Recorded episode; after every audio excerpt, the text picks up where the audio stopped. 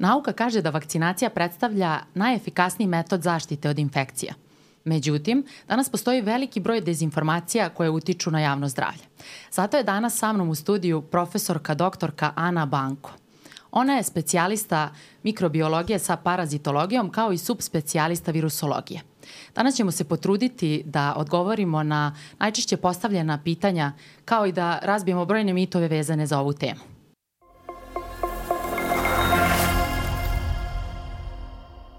Kada bismo poželeli da svi virusi nestanu sa planete Zemlje, i a, kada bi se to ispunilo, šta bi se zapravo dogodilo?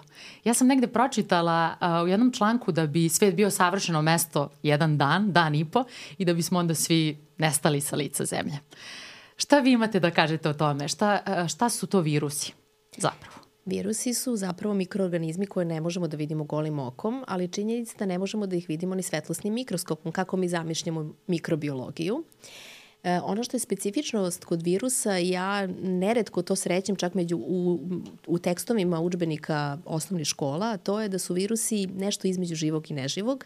Nisam sigura da je definicija idealna, ali realno u stvari govori u prilog toga da virusi ne mogu biti samostalni dakle kao što to mogu biti bakterije, da ne kažem neki veći organizmi pa i sisari, uh, ali da njihova osobina da su živi zapravo znači da oni mogu da se replikuju i da se umnožavaju.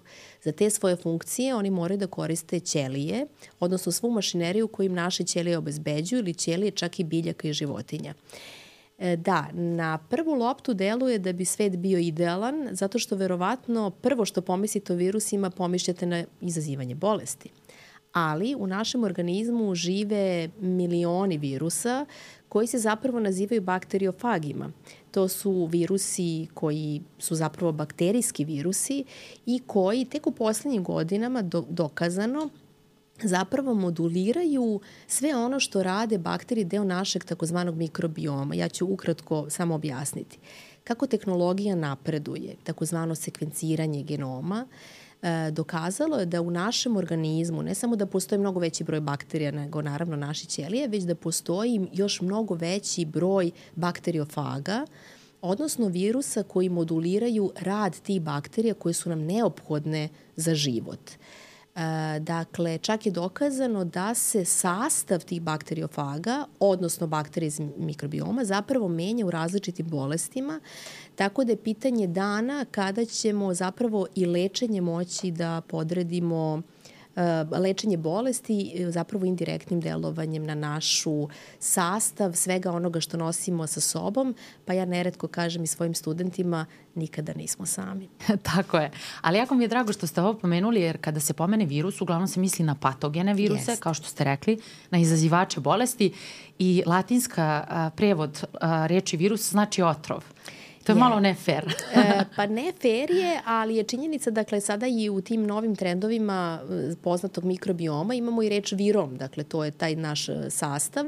E, virusi, zapravo njihov glavni cilj, kako, kako često čujem, nije cilj da ubiju ćeliju u kojoj, koju inficiraju, jer ta ubijena ćelija ne može više da ih proizvodi. Ali opet moram da se ogradim od toga, virusi nemaju intelekt, nemaju tu vrstu sposobnosti, te sve što se dešava u virusnoj evoluciji zapravo je deo prirodne evolucije, takozvanog selektivnog pritiska, znate da najjači opstaju. Dakle, uvek će opstati oni koji imaju najviše kapaciteta da prežive određene uslove spoljašnje sredine, organizama i tako dalje, pa vidite da je ovoj evoluciji koronavirusa zapravo preživljavaju oni koji se lakše prenose i lakše izbegavaju imunski odgovor. To znači da, evo, na primjer, selektivna um, ovaj, selektivni pritisak, uzmite, na primjer, žirafe. Dakle, žirafa, ko, ako joj je hrana bila mnogo visoko, opstale su one koji su bile sa dužim vratom. Uzela sam plastični primer, da, ali tako, će, tako i s antibioticima. Dakle, rezistencija, uh, u pro, problemu rezistencije nije to da li će sve bakterije u organizmu čoveka biti rezistentne, vi ćete delovati na 99% osetljivost, osetljivih, ali ako postoji 1% rezistentnih, pa one će prevladati. To je selektivni pritisak i tako funkcioniše evolucija, tako funkcioniše evolucija virusa.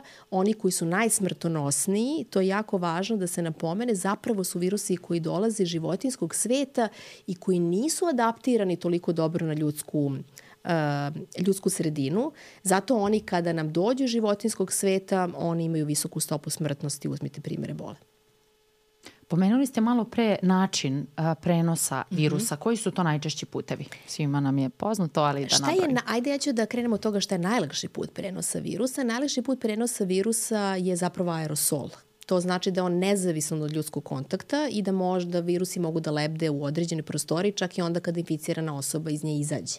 To je jedna od zabluda zapravo širenja, kako se i proširila pandemija, bila je zabluda da se virus prenosi samo kapljičnim putem. Kapljični put jeste najčešći vid prenosa, to znači da se zapravo kašljanjem, govorom, kijanjem, E, prenose kapljice u kojima se nalaze virusne čestice. Kapljice imaju svoju težinu, gravitaciju, padaju na određene površine, pa se rukama opet e, dodirnemo te površine i e, prenesemo virusnu česticu i to je najčešći put zapravo zato što je to način koji koristimo stalno. Sledeći takođe čest način jeste prenos prljavim rukama, kako se prenose recimo virusni izazivači ne samo ovih respiratornih infekcija, već gastrointestinalnih. A onda imate sve ostale vidove prenosa, direktni put, seksualni kontakt, e, prenos putem krvi, prenosa majke na dete, e, određeni prenos putem vektora, kao što su komarci i tako dalje, tako da i kontakt sa životinjama. Dakle, ima mnogo različitih načina prenosa, ali de facto su najčešće ove koje smo pomenuli. Dve stvari su mi ovde jako interesantne bile uh, pranje ruku. Uh mhm. -huh. To smo, izgleda smo naučili kao narod da peremo ruke tek za vreme pandemije. Nadam se da je se to zadržalo, ta praksa. A druga stvar, ja su životinje. Uh, nekako mi se čini da ljudi tu ne shvataju ozbiljnost svega ovoga što ste ispričali i da... Mi, smo, mi smo zapravo, mi smo zapravo deo životinskog sveta. Uh mhm. -huh.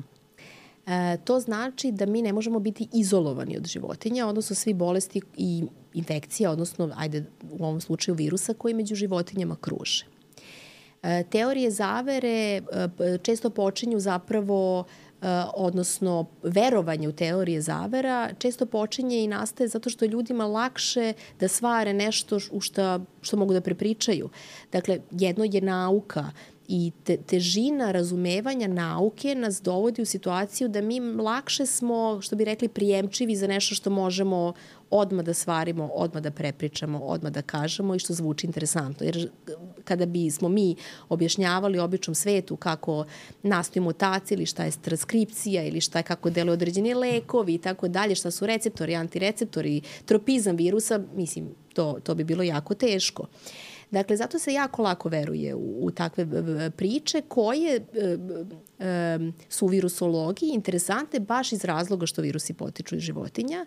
E, ja bih tu pomenula e, zapravo jedan citat Daniela Kahemana, on je bio, ja mislim, izraelski psiholog i psihijatar, e, koji je zapravo rekao da e, pouzdan način da ljude uverite da je nešto istina jeste da to sto puta ponovite. To je ono, sto puta ponovljena laž postaje lako istina i da e, koliko ste puta nešto čuli i bili bliski s tom informacijom otežava vama da zapravo razlikujete informaciju od bilo kakvu informaciju pa i dezinformaciju od istine. E, ja bi se takođe ovde dotakla jedne interesantne stvari, a to je kako funkcionišu jel, softveri na našim e, pametnim uređajima, između ostalog i telefonima. Znamo vrlo dobro da kad nešto pretražujemo na Google, da će nas to sačekati na svim društvenim mrežama i pretraživačima, pa čak i ako nismo pretraživali, smo negde spomenuli. To znači sledeće. Ako vi istražujete teoriju zavere, vama će zapravo algoritam na telefonu, uzimam telefon kao primer, da vam nameće sadržaje sličnog tipa. I praktično će vas uveravati da to što vi mislite istina i da vi dolazite do nekih sadržaja na internetu koji kao nisu dostupni ostaloj mm -hmm. populaciji i vi nećete zapravo biti e, dostupni sadržajima koji su istiniti, osim ako ih fizički aktivno ne budete pretraživali. Što se tiče životinja i virusa, E, možda ljudi ne znaju, ali uzet ću primer gripa. Grip je virus koji potiče iz životinskog sveta i normalno cirkuliše među divnim pticama, pa onda dolazi, dolazi do domaćih ptica, onda tako i do ljudi.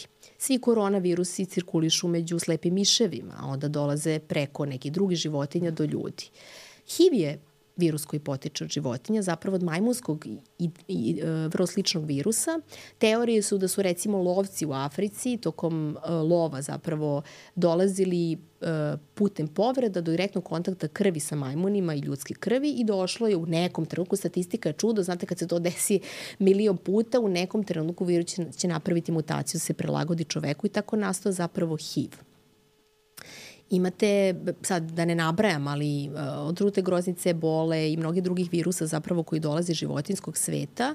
Uh, uh, gripi i koronavirusi su toliko brojni u životinskom svetu da nije neophodno da se desi neko, kako bih rekla, neki neuobičajeni incident, već je dovoljno da ti sekreti skreti zapravo domaćih ptica u slučaju gripa ili, na primjer, kontakt divlji ptica u farmi, e, na farmama, na uzgajalištima životinja, da dođe u kontakt sa drugim životinjama ili da dođe, kao što je slučaj teo, jedna od teorija da su zapravo ekskreti uh, određenih životinja na nekoj pijaci, dolazili u kontakt s ljudima koji se koriste za ishranu i tako dalje i tako dalje. I ja ću ovde recimo možda reći nešto što običan narod naravno ne zna, to je da se sezonski, a prošla sezona je bila to vrlo nezgodna, uh, zapravo uništavali su se milioni brojeva domaće živine, jer su se, je se pojavljivao zapravo njihov grip, e, što je e, ugrožavalo zapravo proizvodnju. I onda kada imate recimo poskupljenje na svetskom uh mhm. nivou živine o koje se koristi u ishrani, zapravo razlog je zato što su se milioni živine namerno Eh, eradikovali, odnosno ubijali, zato što se to vrlo lako proširi u uzgajalištima, znate kako to izgleda, to su, to su veliki brojevi eh, zapravo domaće živine i konačno recimo pandemija iz 2009. godine nastala je tako što je eh, su u istoj prostorija, tako da kažem, na istom mestu boravili, boravile domaće živine, odnosno ptice, svinje i čovek mm -hmm. i onda je nastala razmena. U isto vreme čovek imao grip, e, svinje su imale grip, ptica imala grip. E, grip je virus vrlo interesantnog genetičkog sastava, izdeljenje, kažemo da je segmentiran i onda se ti segmenti razmene. I dovoljno je da od svih tih segmenta zapravo samo jedan bude onaj koji je za adaptaciju, odnosno za vezivanje za receptore na čoveku. Sve ostalo nosi od životinja i onda mi kao ne, e, da kažem, nepripremljeni, imunski, dolazimo u kontakt s takvim virusom i nastaje pandemija. Šta sam tela da kažem? E, mnogobrojni smo. Dolazimo se više u kontakt sa životinjama, pogotovo na dalekom istoku. E, I ta mnogobrojnost i kontakt sa životinjama nesumnjivo će nam donositi nove pandemije. To ne znači da su one pripremljene. Da, nema nego će teorije se sigurno zavere. Desiti. Nema teorije sigurno zavere će sada. se desiti. Da.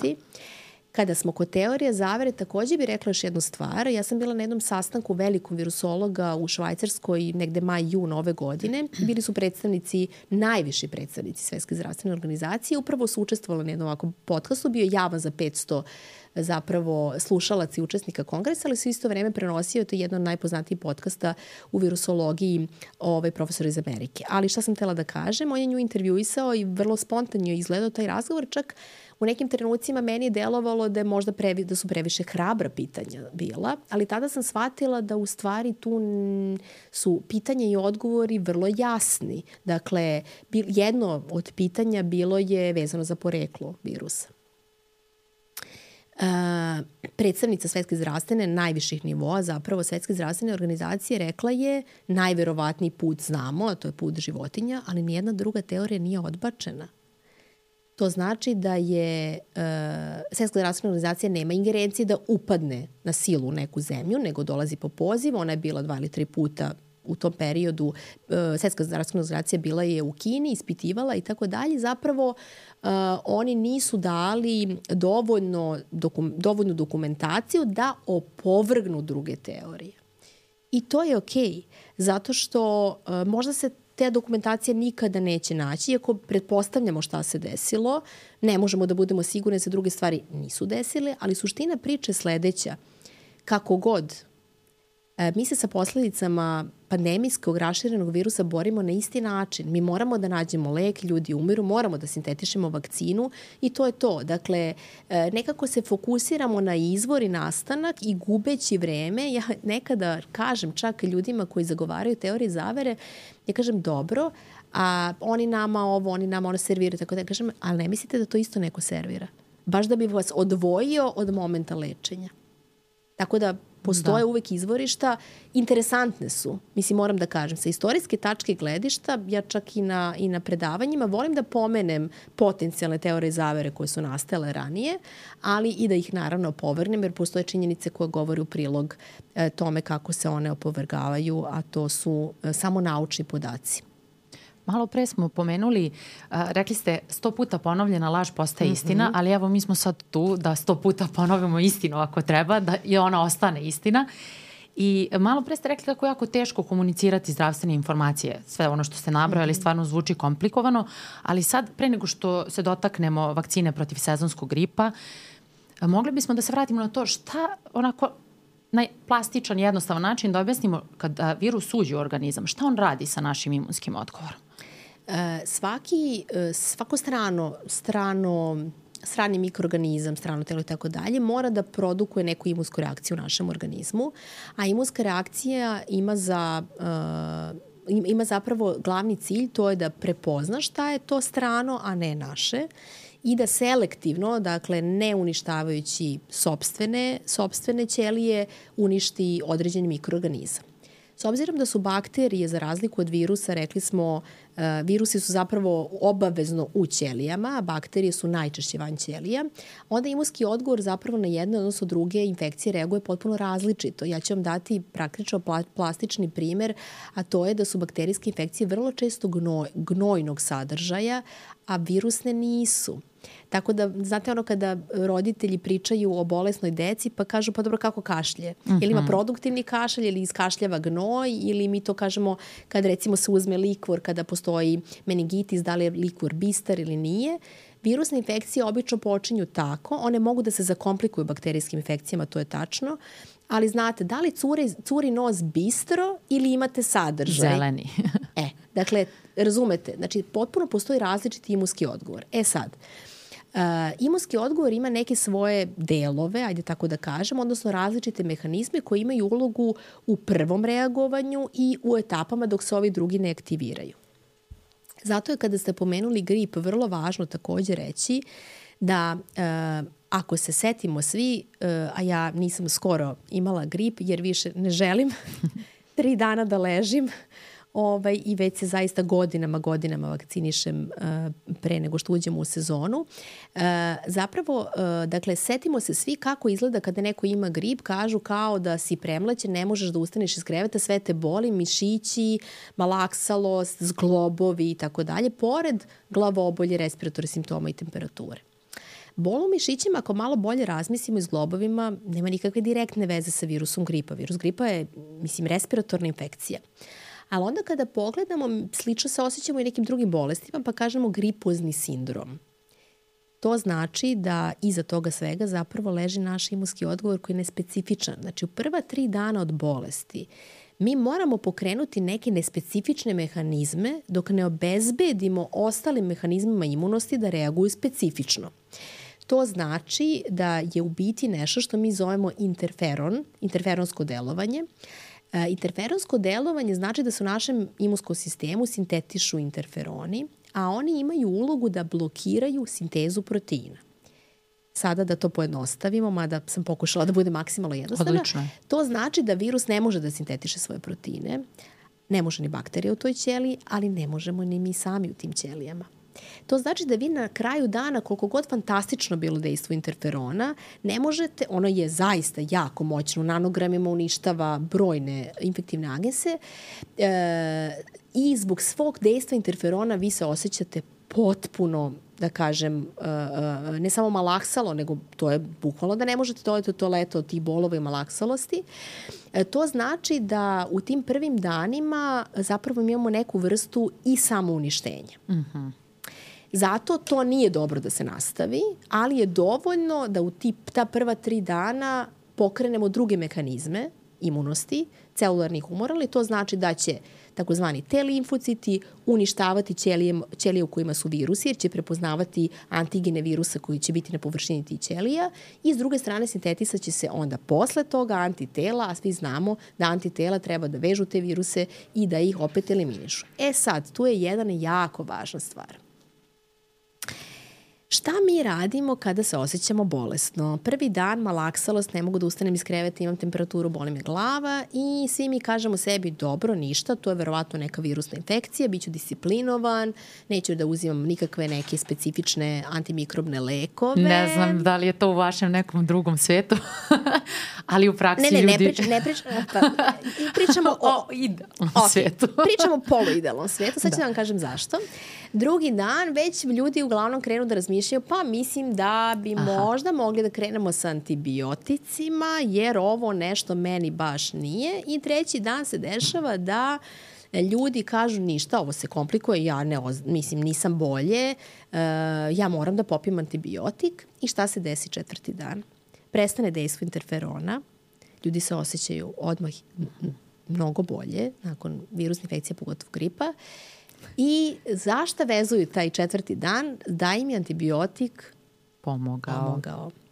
A antibiotik ne može da pomogne baš, redko kad može za 24 sata. I mi ulazimo u jednu ne samo, kako mi to kažemo, nekontrolisano korišćenje antibiotika, već dolazimo do zloupotrebe ovaj, potrošnje i konzumacije antibiotika, a posledica toga, a pričamo antibiotik ništa ne radi virusu, E, ta osoba, znači, nakon praktično poluozdravljenja zapravo nastavlja da e, pije antibiotike još 7 dana, uništavajući svoju mikrobiotu oh, i dovodeći u situaciju da možda razvije rezistenciju bakterije na taj lek koji će mu zatrebati neki drugi put.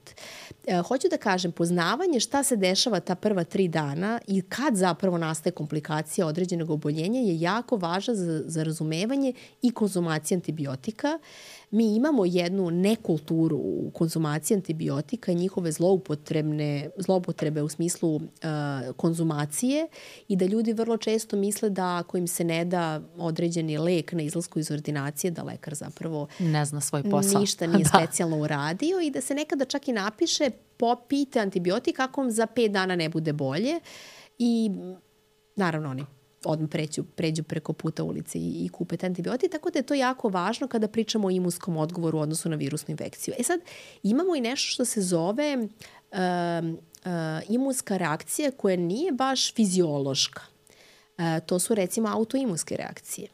Virusna infekcija neredko pokrene autoimunsku reakciju. Mi sigurno imamo neku genetsku osnovu za nju, ali e, postoji nešto što je prekomerna imunska reakcija, pa počinje da deluje neselektivno, to znači nespecifično, ne deluje samo na ćelije inficirane virusom, nego i na neke druge, ali takođe postoji neki molekuli na virusima koji su jako slični uh, našim molekulima i onda viru, ovaj, imunski sistem ne može da ih razlikuje i pokreće se autoimunost. E sad, Neki autoimunski procesi su e, ograničenog toka i nakon završene virusne infekcije prestaje progres autoimunosti, ali ostavlja posledice.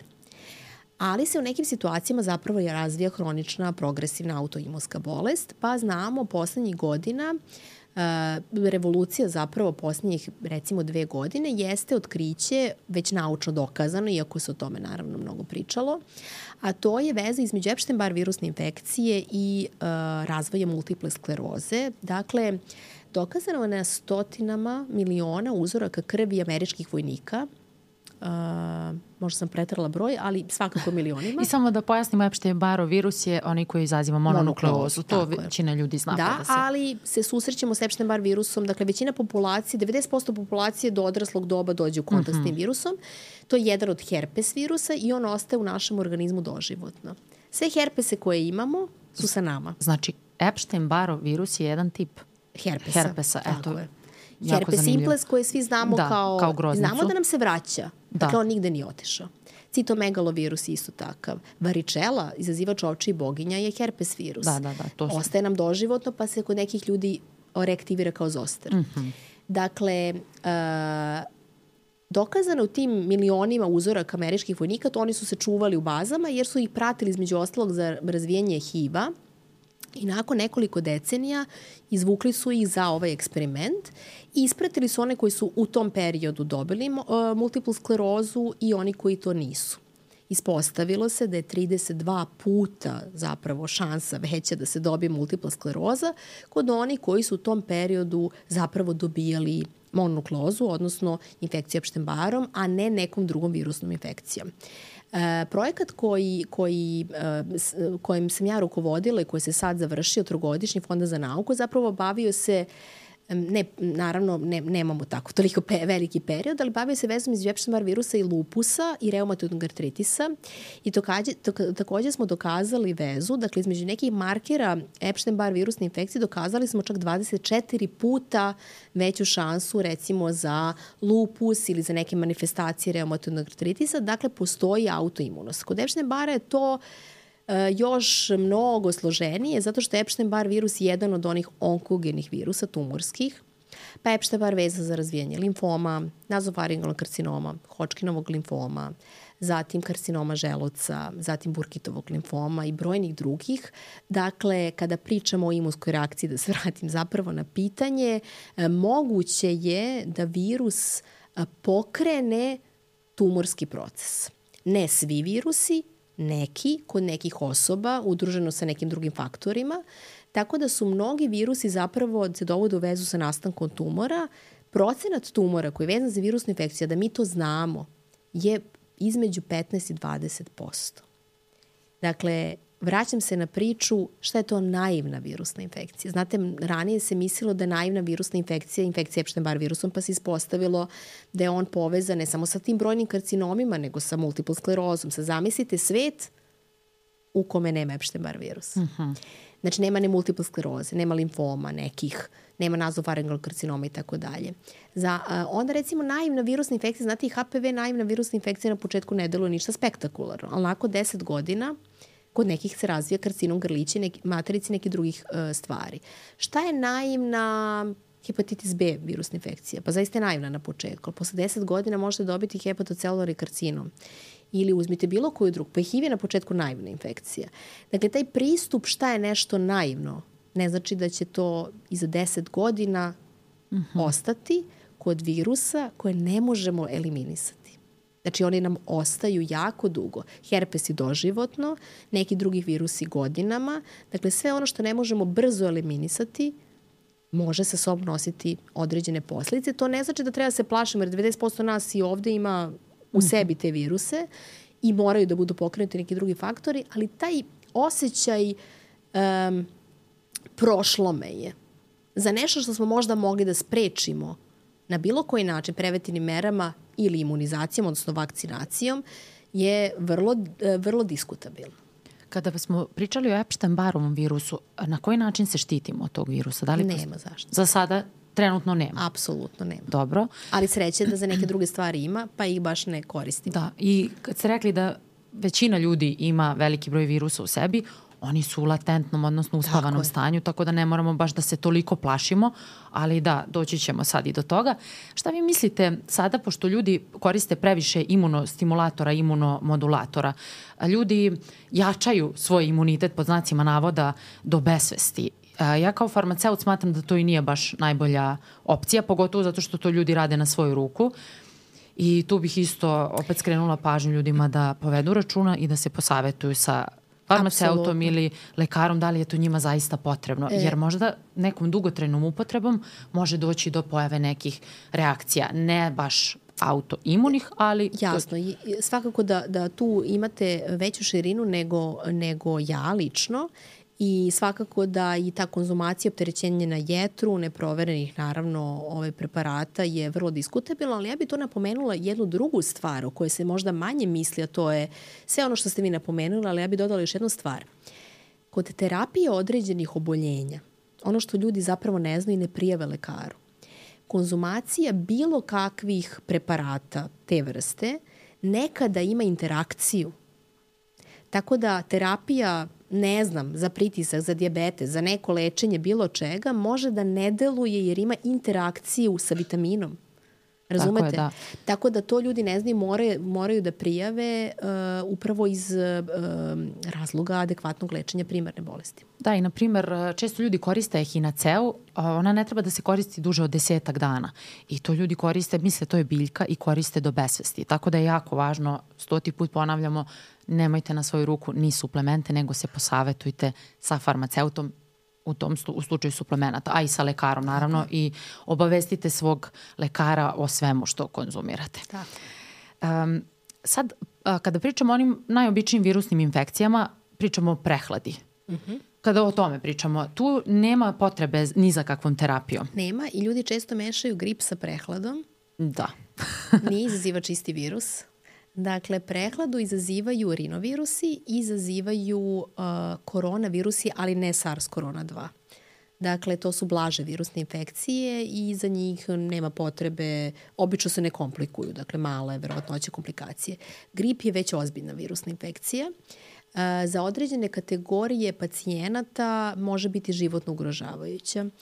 E, takođe, ono što bih ja sugerisala na neki način jeste da vrlo često kada kažemo ko je rizična populacija za određene bolesti, nekako to stapamo u jednu masu, to su stari, imunokompromitovani ljudi sa hroničnim bolestima i nekada se izgube fokusi zapravo pacijenata koji su tu prioritetni. Verovatno mnogi ljudi ne znaju e, šta radi grip u određene kategorijama stanovništva. Ja bih prvo rekla da ogromni su naravno brojevi ljudi obolelih od gripa i da je grip u svakom slučaju svojim nekim istorijskim momentima praktično menjao istoriju. Nije samo to grip, znate da je to radila i kuga, mislim, kuga je trećinu, e, trećinu stanovništva globalne populacije u određenim etapama dakle, dovodilo do smrtnog ishoda. Dakle, de facto su infektivni agensi menjali istoriju e, mnogo više nego što su to radile posledice direktnog, direktne smrti od ubijanja u ratovima. Eh, ali hoću da kažem da, da 39% ljudi obolelih, smrtnih zapravo, pardon, 39% eh, smrtnih uh, završetaka bolesti gripa zapravo se dešavalo u populaciji koja je relativno zdrava. Zašto kažem relativno? Kada bismo uzeli jednu grupu ljudi, bilo da ih je 10 ili 100, vrlo bi bilo diskutabilno ko je zdrav od njih. To znači da mnogi ljudi danas zapravo ne znaju svoje, svoj backup, odnosno diagnozu. E, I mi se sada iščuđavamo zapravo nekim takozvanim iznenadnim smrtnostima sportista ili nekih ljudi, jer više tih informacija dolazi do nas. A suštinski u biti je očigledno neki zdravstveni problem koji prosto nije bio registrovan, prepoznat i tako dalje. E, zato je kod gripa jako važno da e, prevencija, osim što je po mom mišljenju e, važna, ajde za zdravstvene radnike, pa ja nekako spadam u tu grupu, pa uvek mogu da kažem, pa dobro, ja sam vakcinisana sa zdravstveni radnik, ali ja sam iskreno e, vakcinisana zato što ne želim da budem bolesna. Uh, ja, ne, ja imam decu i ona mi svakako donose svakakve infekcije i prosto ne želim da remetim svoj život ne želim da ležim bolesna za nešto što je preventabilno. E sada, kada pričamo o uh, kategorijama koje su u uh, jako visokom riziku od gripa, uh, možemo ih svrstati u nekoliko kategorija. Jedno su stariji, preko 65, uh, i to je poznato. Ali ono što bi ja izdvojila, što tako se stopi u masu, pa nekako stalno pričamo o tim grupama ugroženih, sve to isto, ovde su to kardiovaskularni pacijenti, diabetičari, i trudnice. Što se tiče kardiovaskularnih pacijenata, ne znam da li ste znali, ali e, vakcinacija za grip predstavlja sekundarnu prevenciju infarkta. To znači da je to podjednako važno kao kad biste vi pacijentu rekli da pije antihipertenzivnu terapiju ili da prestane da puši za pacijenta koji je u visokom riziku za dobijanje infarkta. E, dakle, u prva tri dana dobijanja gripa povećava se 10 puta verovatnoća dobijanja infarkta u toku grip, gripa. Osam puta dobijanja moždanog udara. E, zamislite diabetičara. Kod njega se u toku gripa povećava šansa 75 puta da dobije nekontrolisane vrednosti šećera to, je, to su strašni brojevi. Znači, kod njih se takođe povećava šansa od srčanog, srčane insuficijencije, od, naravno, komplikacija. E, praktično će e, e, veliki broj diabetičara morati da se hospitalizuje. Svi stariji ljudi koji se hospitalizuju zbog gripe, komplikacije poput pneumonije, izaći će iz bolnice sa 20, svaki četvrti zapravo će imati pad određene funkcije. E, znate, kao što se to dešava kod e, kod starijih ljudi znamo, to zna, bolje naravno znaju kliničar, ali znamo i mi svi, kad starija osoba padne polom i kuk, uh, znamo očekivano da će u narednim mesecima dobiti šlog, možda ni insult. E pa to se dešava i posle gripa. Uh -huh. Dakle, uh, diabetičari uh, da sačuvaju vrednosti glikemije zapravo da bi sačuvali pre određene početka sezone primaju vakcinu protiv gripa. Kardiovaskularni pacijenti upravo da spreče tu verove, ogromnu verovatnoću dobijanja infarkta i moždanog uh, udara zapravo uh, primaju, odnosno dobijaju uh, vakcinaciju stariji trudnice. Kod trudnica se povećava stopa hospitalizacije sedam puta, ali ono što su brojevi koji bi možda više zabrenuli trudnice jeste da je čak 44% trudnica koje imaju gripu toku svoje trudnoće rađa dete koje je male telesne mase, a da se četiri puta povećava rizik od smrti fetusa.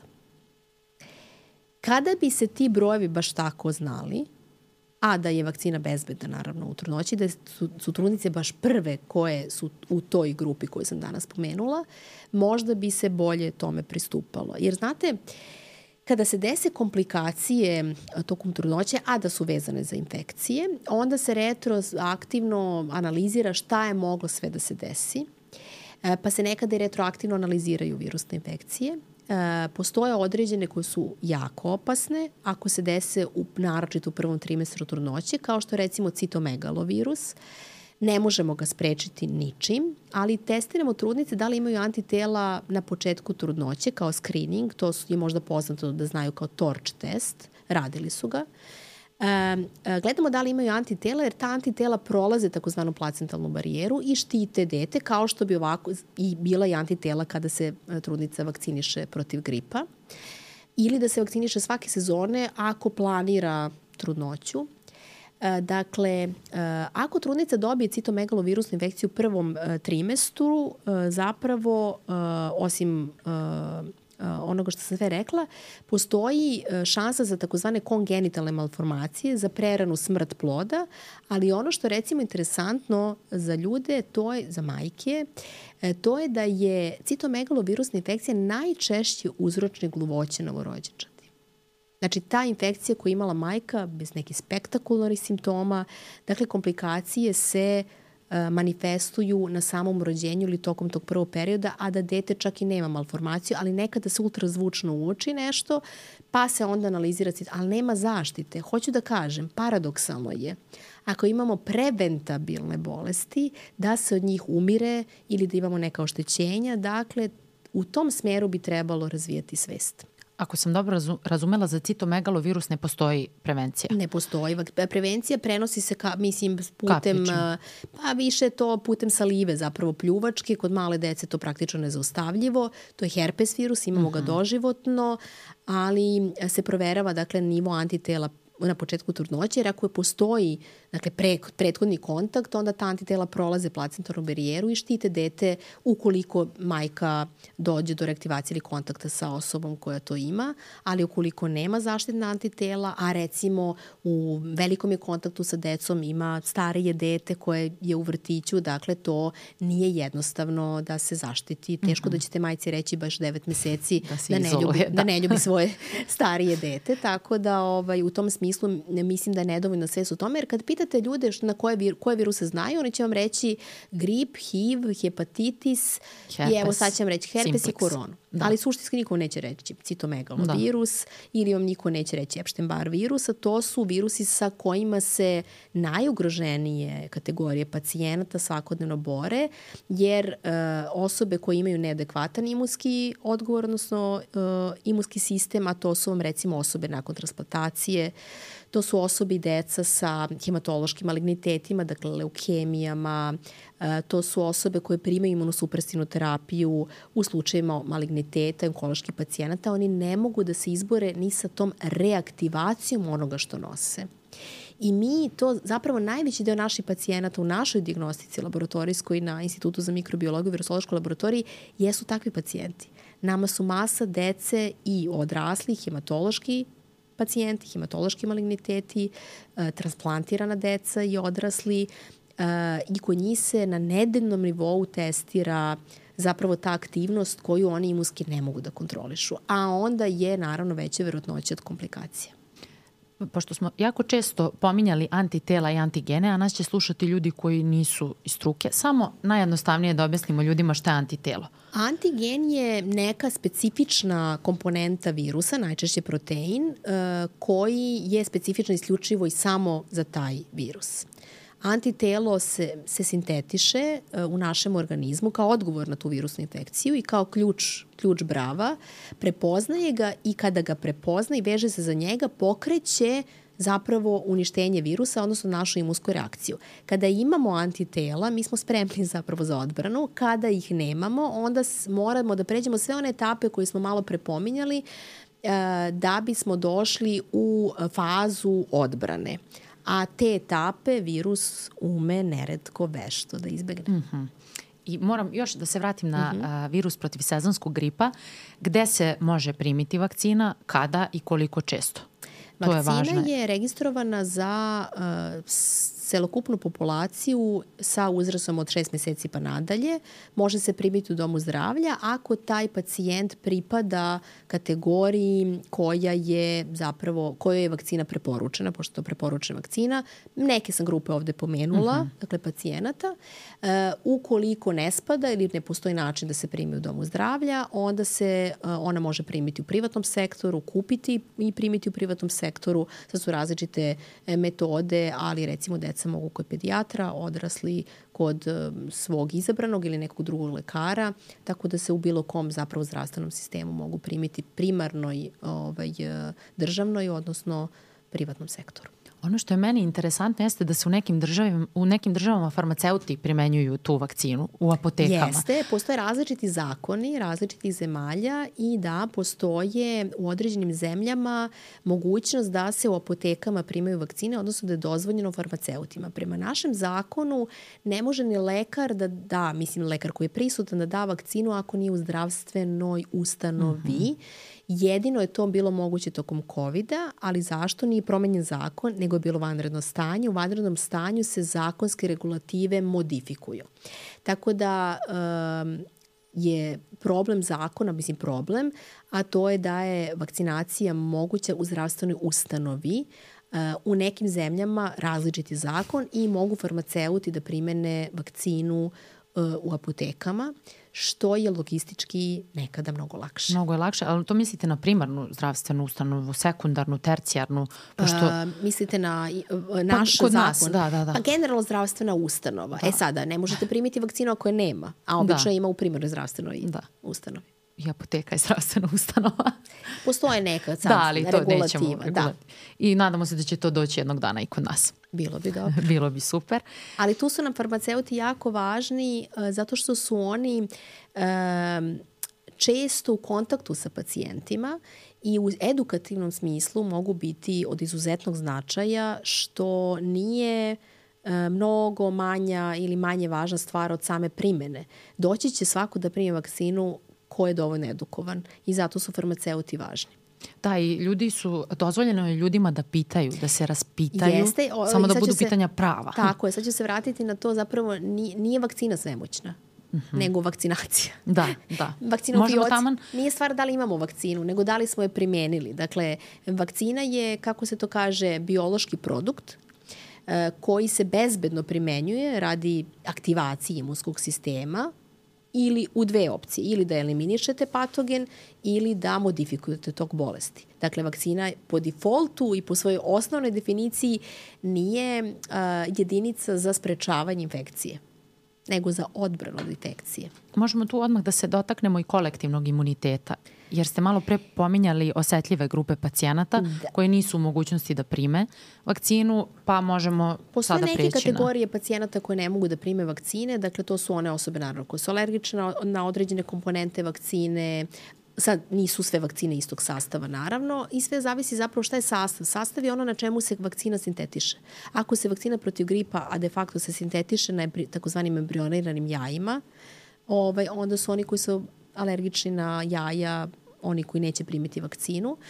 E, postoje osobe koje ne mogu primiti određene vakcine jer vakcina nije registrovana za taj uzrast. E, postoje osobe koje inače imaju istoriju anafilaktičnih, znači intenzivnih alergijskih reakcija na inače e, vakcinaciju, imunizaciju i postoje osobe koje su teško imunosupresiji, koje ne mogu primiti opet samo određene vakcine. Uh -huh. e, ne mogu primiti žive vakcine. Trudnice ne mogu primiti žive vakcine ali mogu primiti vakcine koje zadrže samo protein ili komponentu virusa, jer tu nema virusa koji se replikuje. Dakle, tu imamo razliku i tu ide evolucija tehnologije razvoja vakcina, dakle da se sa tih živih, takozvanih atenuisanih vakcina sve više prelazi na uh, vakcine koje imaju samo određenu komponentu virusa, da bi zapravo svi mogli da ih primaju. Uh, pitali ste me uh, to ko ne može da primi vakcinu uh, zbog kolektivnog imuniteta. Tako je, koja da imate kolektivni imunitet za određenu bolest, e, onda imate praktično na neki način živi zid oko onih ljudi koji su životno ugroženi zbog svoje primarne bolesti, a ne mogu da prime vakcinu. E, I to se e, često recimo dešava kod ljudi koji možda čak i ne primaju nekakve preporučene vakcine poput vakcine za grip, da nekada u situaciji kada u porodici imaju obolalu osobu kako bi mogli da je neguju, da su oni prvi koji će uh, primiti uh, tu vakcinu. Dakle, uh, da ne kažemo da postoje brojna deca koje ne mogu da prime određene vakcine i da mi nekada koliko god nam prvi na listi smo mi sebi sami nekada, pričamo nakon nekom i globalnom trendu, ovaj, moramo da mislimo i na one koji vakcinu ne mogu da prime i to se pokazalo u slučajevima recimo mali boginji morbila da su umirala zapravo deca koja nisu mogla da budu vakcinisana. Vraćam se na ono šta je to naivna infekcija.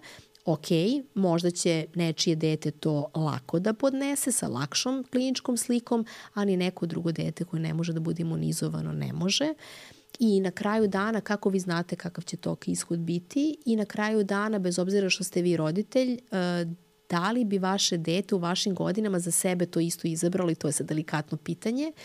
E, super je e, kada možemo da na lak način prevaziđemo jednu virusnu infekciju, ali da li svi možemo da budemo sigurni, dakle jedini put dobijanja imuniteta jeste da se razbolite ili da se vakcinišete ako vakcina postoji. E sad, da li ćete rizikovati, to je sad veliko pitanje. A što se tiče kolektivnog imuniteta, on je recimo takođe, e, e, možda to isto ne znamo dovoljno, nije samo važan kada pri, pričamo o ugroženoj, e, imunski ugroženoj populaciji. Postoje brojne vakcine koje smo doživljavali kao, kako bih rekla, savršene. Nijedna vakcina nije savršena, to će odmah da kažem, ali ne u smislu savrš, nesav, nesavršenosti po pitanju bezbednosti, nego tome kakav imunitet produkuje. Nisu sve vakcine one koje indukuju doživjetni imunski odgovor. Uh, I zato je važno da kažemo da, znate, nama nekada ne cirkulišu bolesti uh, gde nemamo doživotni imunitet od vakcine zato što stalno vakcinišemo decu među kojom najviše cirkulišu te infekcije. I sad šta se dešava recimo kod velikog kašlja, ali se dešava i kod mnogih drugih infekcija. Znate, nakon određenih godina ljudima opada imunitet. Ali ako vi konstantno vakcinišete mlađu populaciju koja, gde nema onda cirkulacije, vi ste zaštitili svu ostalu populaciju. Kada vi prestanete imunizaciju male dece, kod onih zapravo infekcija odnosno vakcina koje ne produkuju doživitni imunitet, vi momentalno počinjete da ugrožavate svu ostalu populaciju. Ne pričamo o starima preko 65 godina, pričamo o svima ostalima. Ako, ima, ako imunitet traje 5-6 godina ili 15-20 godina, vi ste ugrozili sve preko 20, 30, 40 godina i onda e, te infekcije kruže. Onda se pitamo, aha, pa čekajte, kad sam ja vakcinisan, pa da li sam ja ugrožena, e pa kod nekih stvari nismo više zaštićeni zato što je planirano eradikacijom ili eliminacijom ili kontrolom određenih infekcija. Šta je planirano? Planirano da ih ne vidjamo zato što su nam vakcinisane ona populacija među kojima to kruži. Onda su i svi ostali zaštićeni. E, tako da e, e, eradikovanje, eliminacija određenih bolesti moguće je samo kod e, infekcija koje su isključivo humane, znači samo cirkulišu među ljudima, jer kontrolu imunizacije ljudi možete raditi, kontrolu, mislim, imunizacija, kontrol, e, kontrolu imunizacije životinja ne može, ne možemo vakcinisati sve životinje.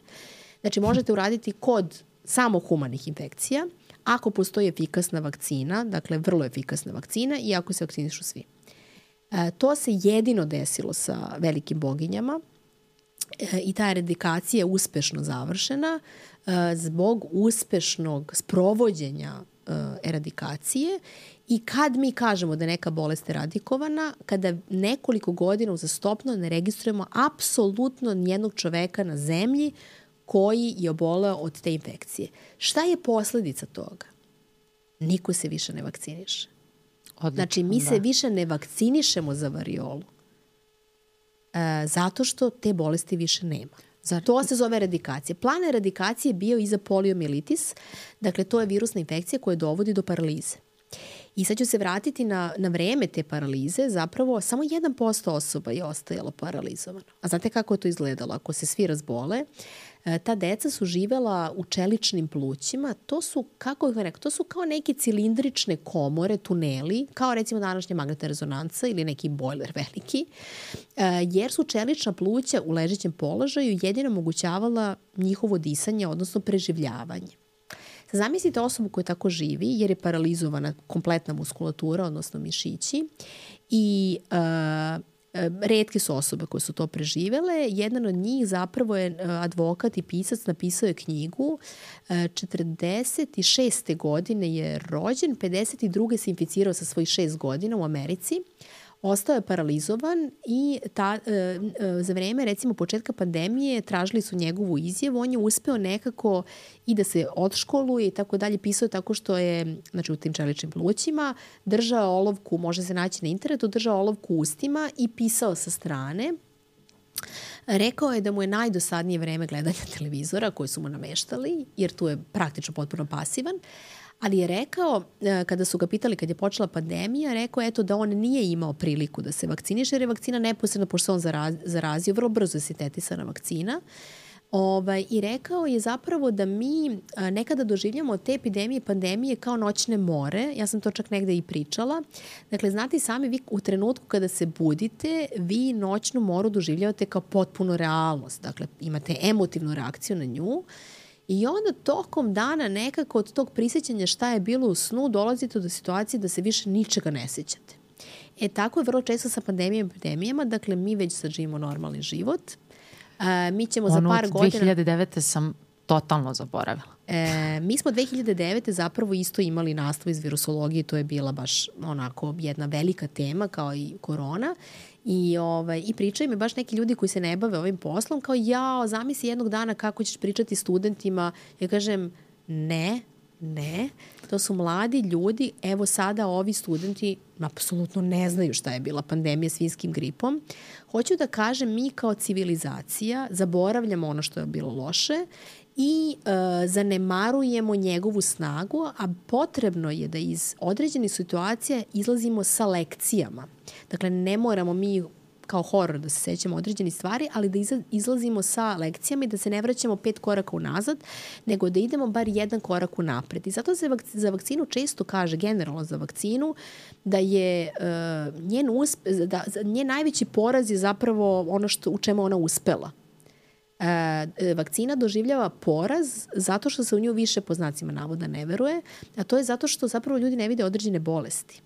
I kada bi se te bolesti često kod onih koji apsolutno su protiv anti, jel, anti-vaks i koji ne žele da vakcinu svoju decu od, naravno, obaveznih, e, obavezne vakcinacije, oni ne vide te bolesti. Oni odlučuju na osnovu ne znam ni ja čega. A pri čemu da. su oni vakcinisani. Da. Jer oni nikada nisu videli kako izgleda osoba koja je paralizovana od poliomijelitisa ili koja umire od morbila Dakle, zato je vakcina doživela jedan poraz, zato što je uspela u određenim stvarima. Bio je plan eradikacije poliomelitisa koga smo pomenuli, međutim, nismo, jesmo stalo na pragu, ali na pragu smo poslednjih 20 godina.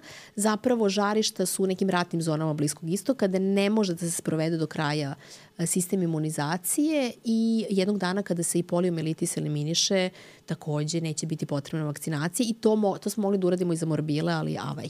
Morbile i veliki kašalj, to su dve, dve različite Jesu, vakcine, je, MMR. to su dve različite izazivača patogen, patogena, odnosno ovaj, virusna i bakterijska infekcija. Morbili se vakcinišu u okviru MMR-a. Uh, vakcina koja je odavno u upotrebi, koja jeste živa atenuisana i koja je vrlo efikasna i od, zbog koje naravno je sprečena cirkulacija tri bolesti, dakle morbila, mumsa, odnosno zaušaka i rubele. Uh, između ostalo, to su takođe infekcije koje su, tera, imaju, neke od njih imaju teratogeni efekat, to znači da znale, znaju, trudnice, znali su i ona vremena, da ako se inficiraju recimo zauškama, da to uh, može biti razlog prekida trudnoće, a znamo da je kakve su posledice po sterilitet dečaka bile. Sve u svemu takve bolesti nismo davno viđali, ali i danas viđamo. I na institutu za majku i dete Tiršove lekari govore da imaju pacijente sad od velikog kašlja, to je bakterijska infekcija, uh, isključivo zbog smanjene stope imunizacije. To su bile odlične vakcine dok se nisu, i dalje su, i, I onda su se pojavili ljudi koji nemaju um, kredibilitet da pričaju o tome, samo su mnogo glasni. To je ono što ste vi rekli, u redu je pitati, ali širiti tako dezinformacije. Tome Nemamo mora... mehanizam da sprečimo širenje dezinformacija. Ovo je neka uh, odbrana. U naučnom svetu osobe koje su takve stvari propagirale i dale lažne rezultate zapravo vezano za MMR i autizam, uh, su suspendovane. U naučnom svetu taj naučni rad je povučen, zapravo nije bilo nikakve nauke. Znate, vi da biste nešto dokazali, vi morate dokazati da to radi u idealnim uslovima, dakle, kont, um, kako bi kontrol, to su kontrolisane studije, ali da vi drugoj grupi, da nemate, dakle, imate grupu gde vakcinišete MMR-om, imate grupu gde ne vakcinišete MMR-om i onda pratite da li postoji viša ili niža stopa javljanja, recimo, autizma. I to apsolutno ne postoji. Ne samo da je taj uh, čovek koji je to davno izdao, ne samo da nije imao kontrolnu grupu, on je celu, ceo rad zapravo sveo na neki desetak pacijenata, recimo 12, gde on u nekoj rečenici napomenuo da postoji pretpostavka da, da. to ima veze, jer je na, nije mogo dokazati.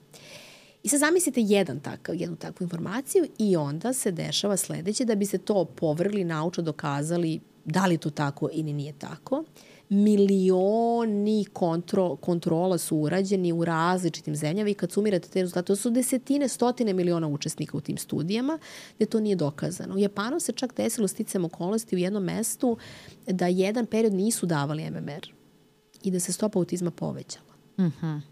Dakle, vi kada biste uzeli, ajmo sad da uzemo primjer trudnica. I kada biste ih, im dali neki novi lek, na primer, neki koji nije ni nešto, koji je naivniji, uzmite neki suplement ako hoćete. Da li biste vi to, u toj grupi trudnica imali spontane pobačaje? Imali biste sigurno. Definitivno. Da li biste imali neke komplikacije? Zavisi, da. da. Ali to ne znači to da ima jedno veze da. s drugim. Morali biste imati drugu grupu kojima to ne dajete i u kojima bi da, stopa da bi... bila veća ili manja. Dakle, morate vrlo uporedive grupe da imate i to je jedini naučni dokaz. Jer ako, um, kako bih rekla, uh, ako hoćete da povežete dva događaja, Uh, mislim, možemo svašta dokazati sad ovde, ovaj, da izmislimo to. I onda su nekada prosto nešto što niko sa naučnog sveta ne može da shvati u stvari ta, tako mogućnost povezivanja, onda se pristupa naučno-studioznom radu gde se to dokazuje ili opovrgava, nemam ništa naravno protiv ako se dokaže, neke stvari se slučajno se jel, otkrivaju. E, e, u razvoju lekova i vakcina, što vi takođe vrlo dobro znate, kada god se upali alarm za bezbednost, e, ceo projekat se ili gasi ili se vraća na neke prethodne korake. A ti koraci podrazumevaju ne samo bezbednost, onu osnovnu na životinjama pa na ljudima, već e, procenjuju i, i e, kako bih rekla, uticaj određenog doziranja, uticaj kod određenih populacija i tako dalje, tako da je to uh, prilično kontrolisano i neredko se zapravo, u stvari, ne neredko, većina kliničkih ispitivanja zapravo ne prođe dalje. Tako je i propadne. Mislim, mnogo njih ne prođe dalje, ali to je jedini način i efikasnost. Da, nisu To je jedini dobre. način da vi ispitate da li nešto, ne samo da li nešto bezbeno, nego nešto radi ili ne radi. I onda mi je nekada, nekada zapravo bude suludo koliki to broj primenjenog nečeg uh, kad je prošlo sve. To je dovoljan da čoveka ubedi, običnog čoveka u bezbednost, na primjer efikasnost. Imamo brojeve, recimo za COVID vakcine, ja sam vadila neke podatke pre jedno dva meseca, 13,5 milijardi doza je dato vakcina. Sad, evo, ako je to nedovoljan broj, ja bih volila da znam koji je to broj. Je li to 50 milijardi, je li to 500 milijardi milijardi, da, da, da, razumete? nije dovoljno. Isto je tako i za HPV. Vakcina koja se daje posljednjih 15 do 20 godina već u svetu i koja je data u preko 500 miliona doza, ovaj, čak je ona karakterisana kao čak izrazito bezbedna. Znači ona spada u one najbezbednije moguće i uh, ovaj, onda je pitanje, čekajte, pa ajde sad nemamo više novu vakcinu, imamo neku koju je svet isprobao, ajde da vidimo sad, baratamo nekim potpuno drugim činjenicama, ako imate strah od nečega što je po znacima navoda novo, ali opet šta je novo i šta je dokaz, da se vratim na taj dokaz, da su to brojevi milijardi ili, na primer, uh, podaci, recimo dobijenje Nobelove nagrade. Katalin Kariko i Drew Weissman su dobili Nobelovu nagradu za mRNK vakcinu. Da li je Nobelova nagrada dokaz? Pa evo je. Dakle, uh, izašli su neki radovi, sećam se 22. godine, čak u nekom od najpoznatijih časopisa Lancet, možda su ljudi čuli, da je u prvoj godini vakcinacije za COVID, decembar 2020, decembar 2021, na osnovu svih podataka, zbroja podataka, ono, smrtnost od COVID, pa onaj višak smrtnosti u zemljama i tako dalje, da je spašeno 20 miliona života i da je stopa smrtnosti te godine pala od očekivane 60 i nešto posto. Znači koliko bi bilo više smrtnih ishoda i onda kada ljudi kažu pa dobro ta vakcina, mislim e, ne radi ništa, evo razbola sam se 17 puta i tako dalje, samo postavite vrlo prosto pitanje. Jesmo se vratili normalnom životu? Jesmo. Da, treba da nam bude. To je to. Da. Tako da, ovaj, e, a onda imamo imamo zapravo uh, vezane podatke recimo za vakcine koje nisu po znacima navoda nove, pa onda uh, ne možemo uni, uniformisati taj nekakvi, nije to protivni stav, ali uh, onda vrlo sele, ako vam je nešto problematično zato što je pod znacima navoda novo, zašto vam je problematično nešto drugo? Tako da moramo da se baziramo i strahove na određenim stvarima i mi smo tu zapravo da odgovorimo na sva pitanja. Vrlo često mislimo da svi sve znaju i podrazumevamo to. To nije tako. Čak i među nama kolegama, mislim i na farmaceute, mislim i na lekare, neretko mislimo i da lekari sve znaju, pa ne znaju.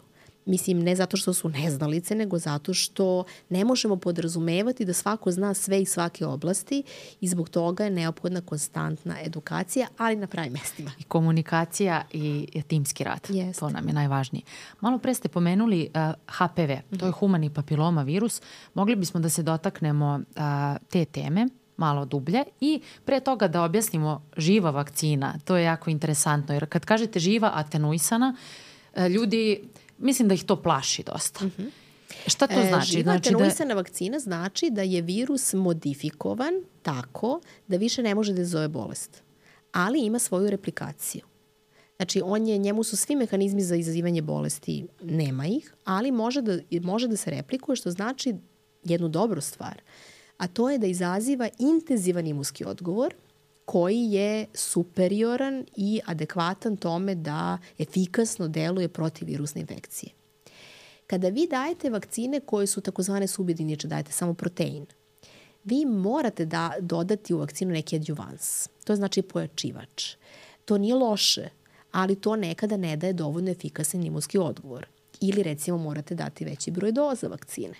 Dakle, sve ide u pracu uh, uh, ostvarivanja dovoljne efikasnosti. Živa atenuisana vakcina se ne daje teško imunosuprimerene osobama i trudnicama upravo iz mera predostrožnosti. Dakle, verovatno se neće ništa desiti. Uh mhm. -huh. Ali nismo sigurni. I zbog toga ceo trend zapravo ide u razvijenju drugih da bismo mogli da ih dajemo zapravo svima. Tehnologija nam tu ide naravno pod ruku, ali ne trebamo menjati vakcine koje su žive tenuisane, ali koje su pokazale i bezbedne i efikasne. Ne trebamo ih menjati, ali da bi se išlo na širinu mogućnosti davanja vakcine, Uh, i na zapravo uh, eliminaciju koraka koji će nas odvesti u rizičnu, bezbe, mislim rizik od bezbednosti, po bezbednostnim pitanjima, odmah se uh, prilazi nekakvim platformama koje uzimaju samo to onaj specifičan element virusa antigen. Da, da. Ovaj, tako vam je recimo i HPV vakcina i vakcina za hepatitis B, to su sve subjedniči vakcina u krajnjem slučaju za grip, odnosno protiv gripa.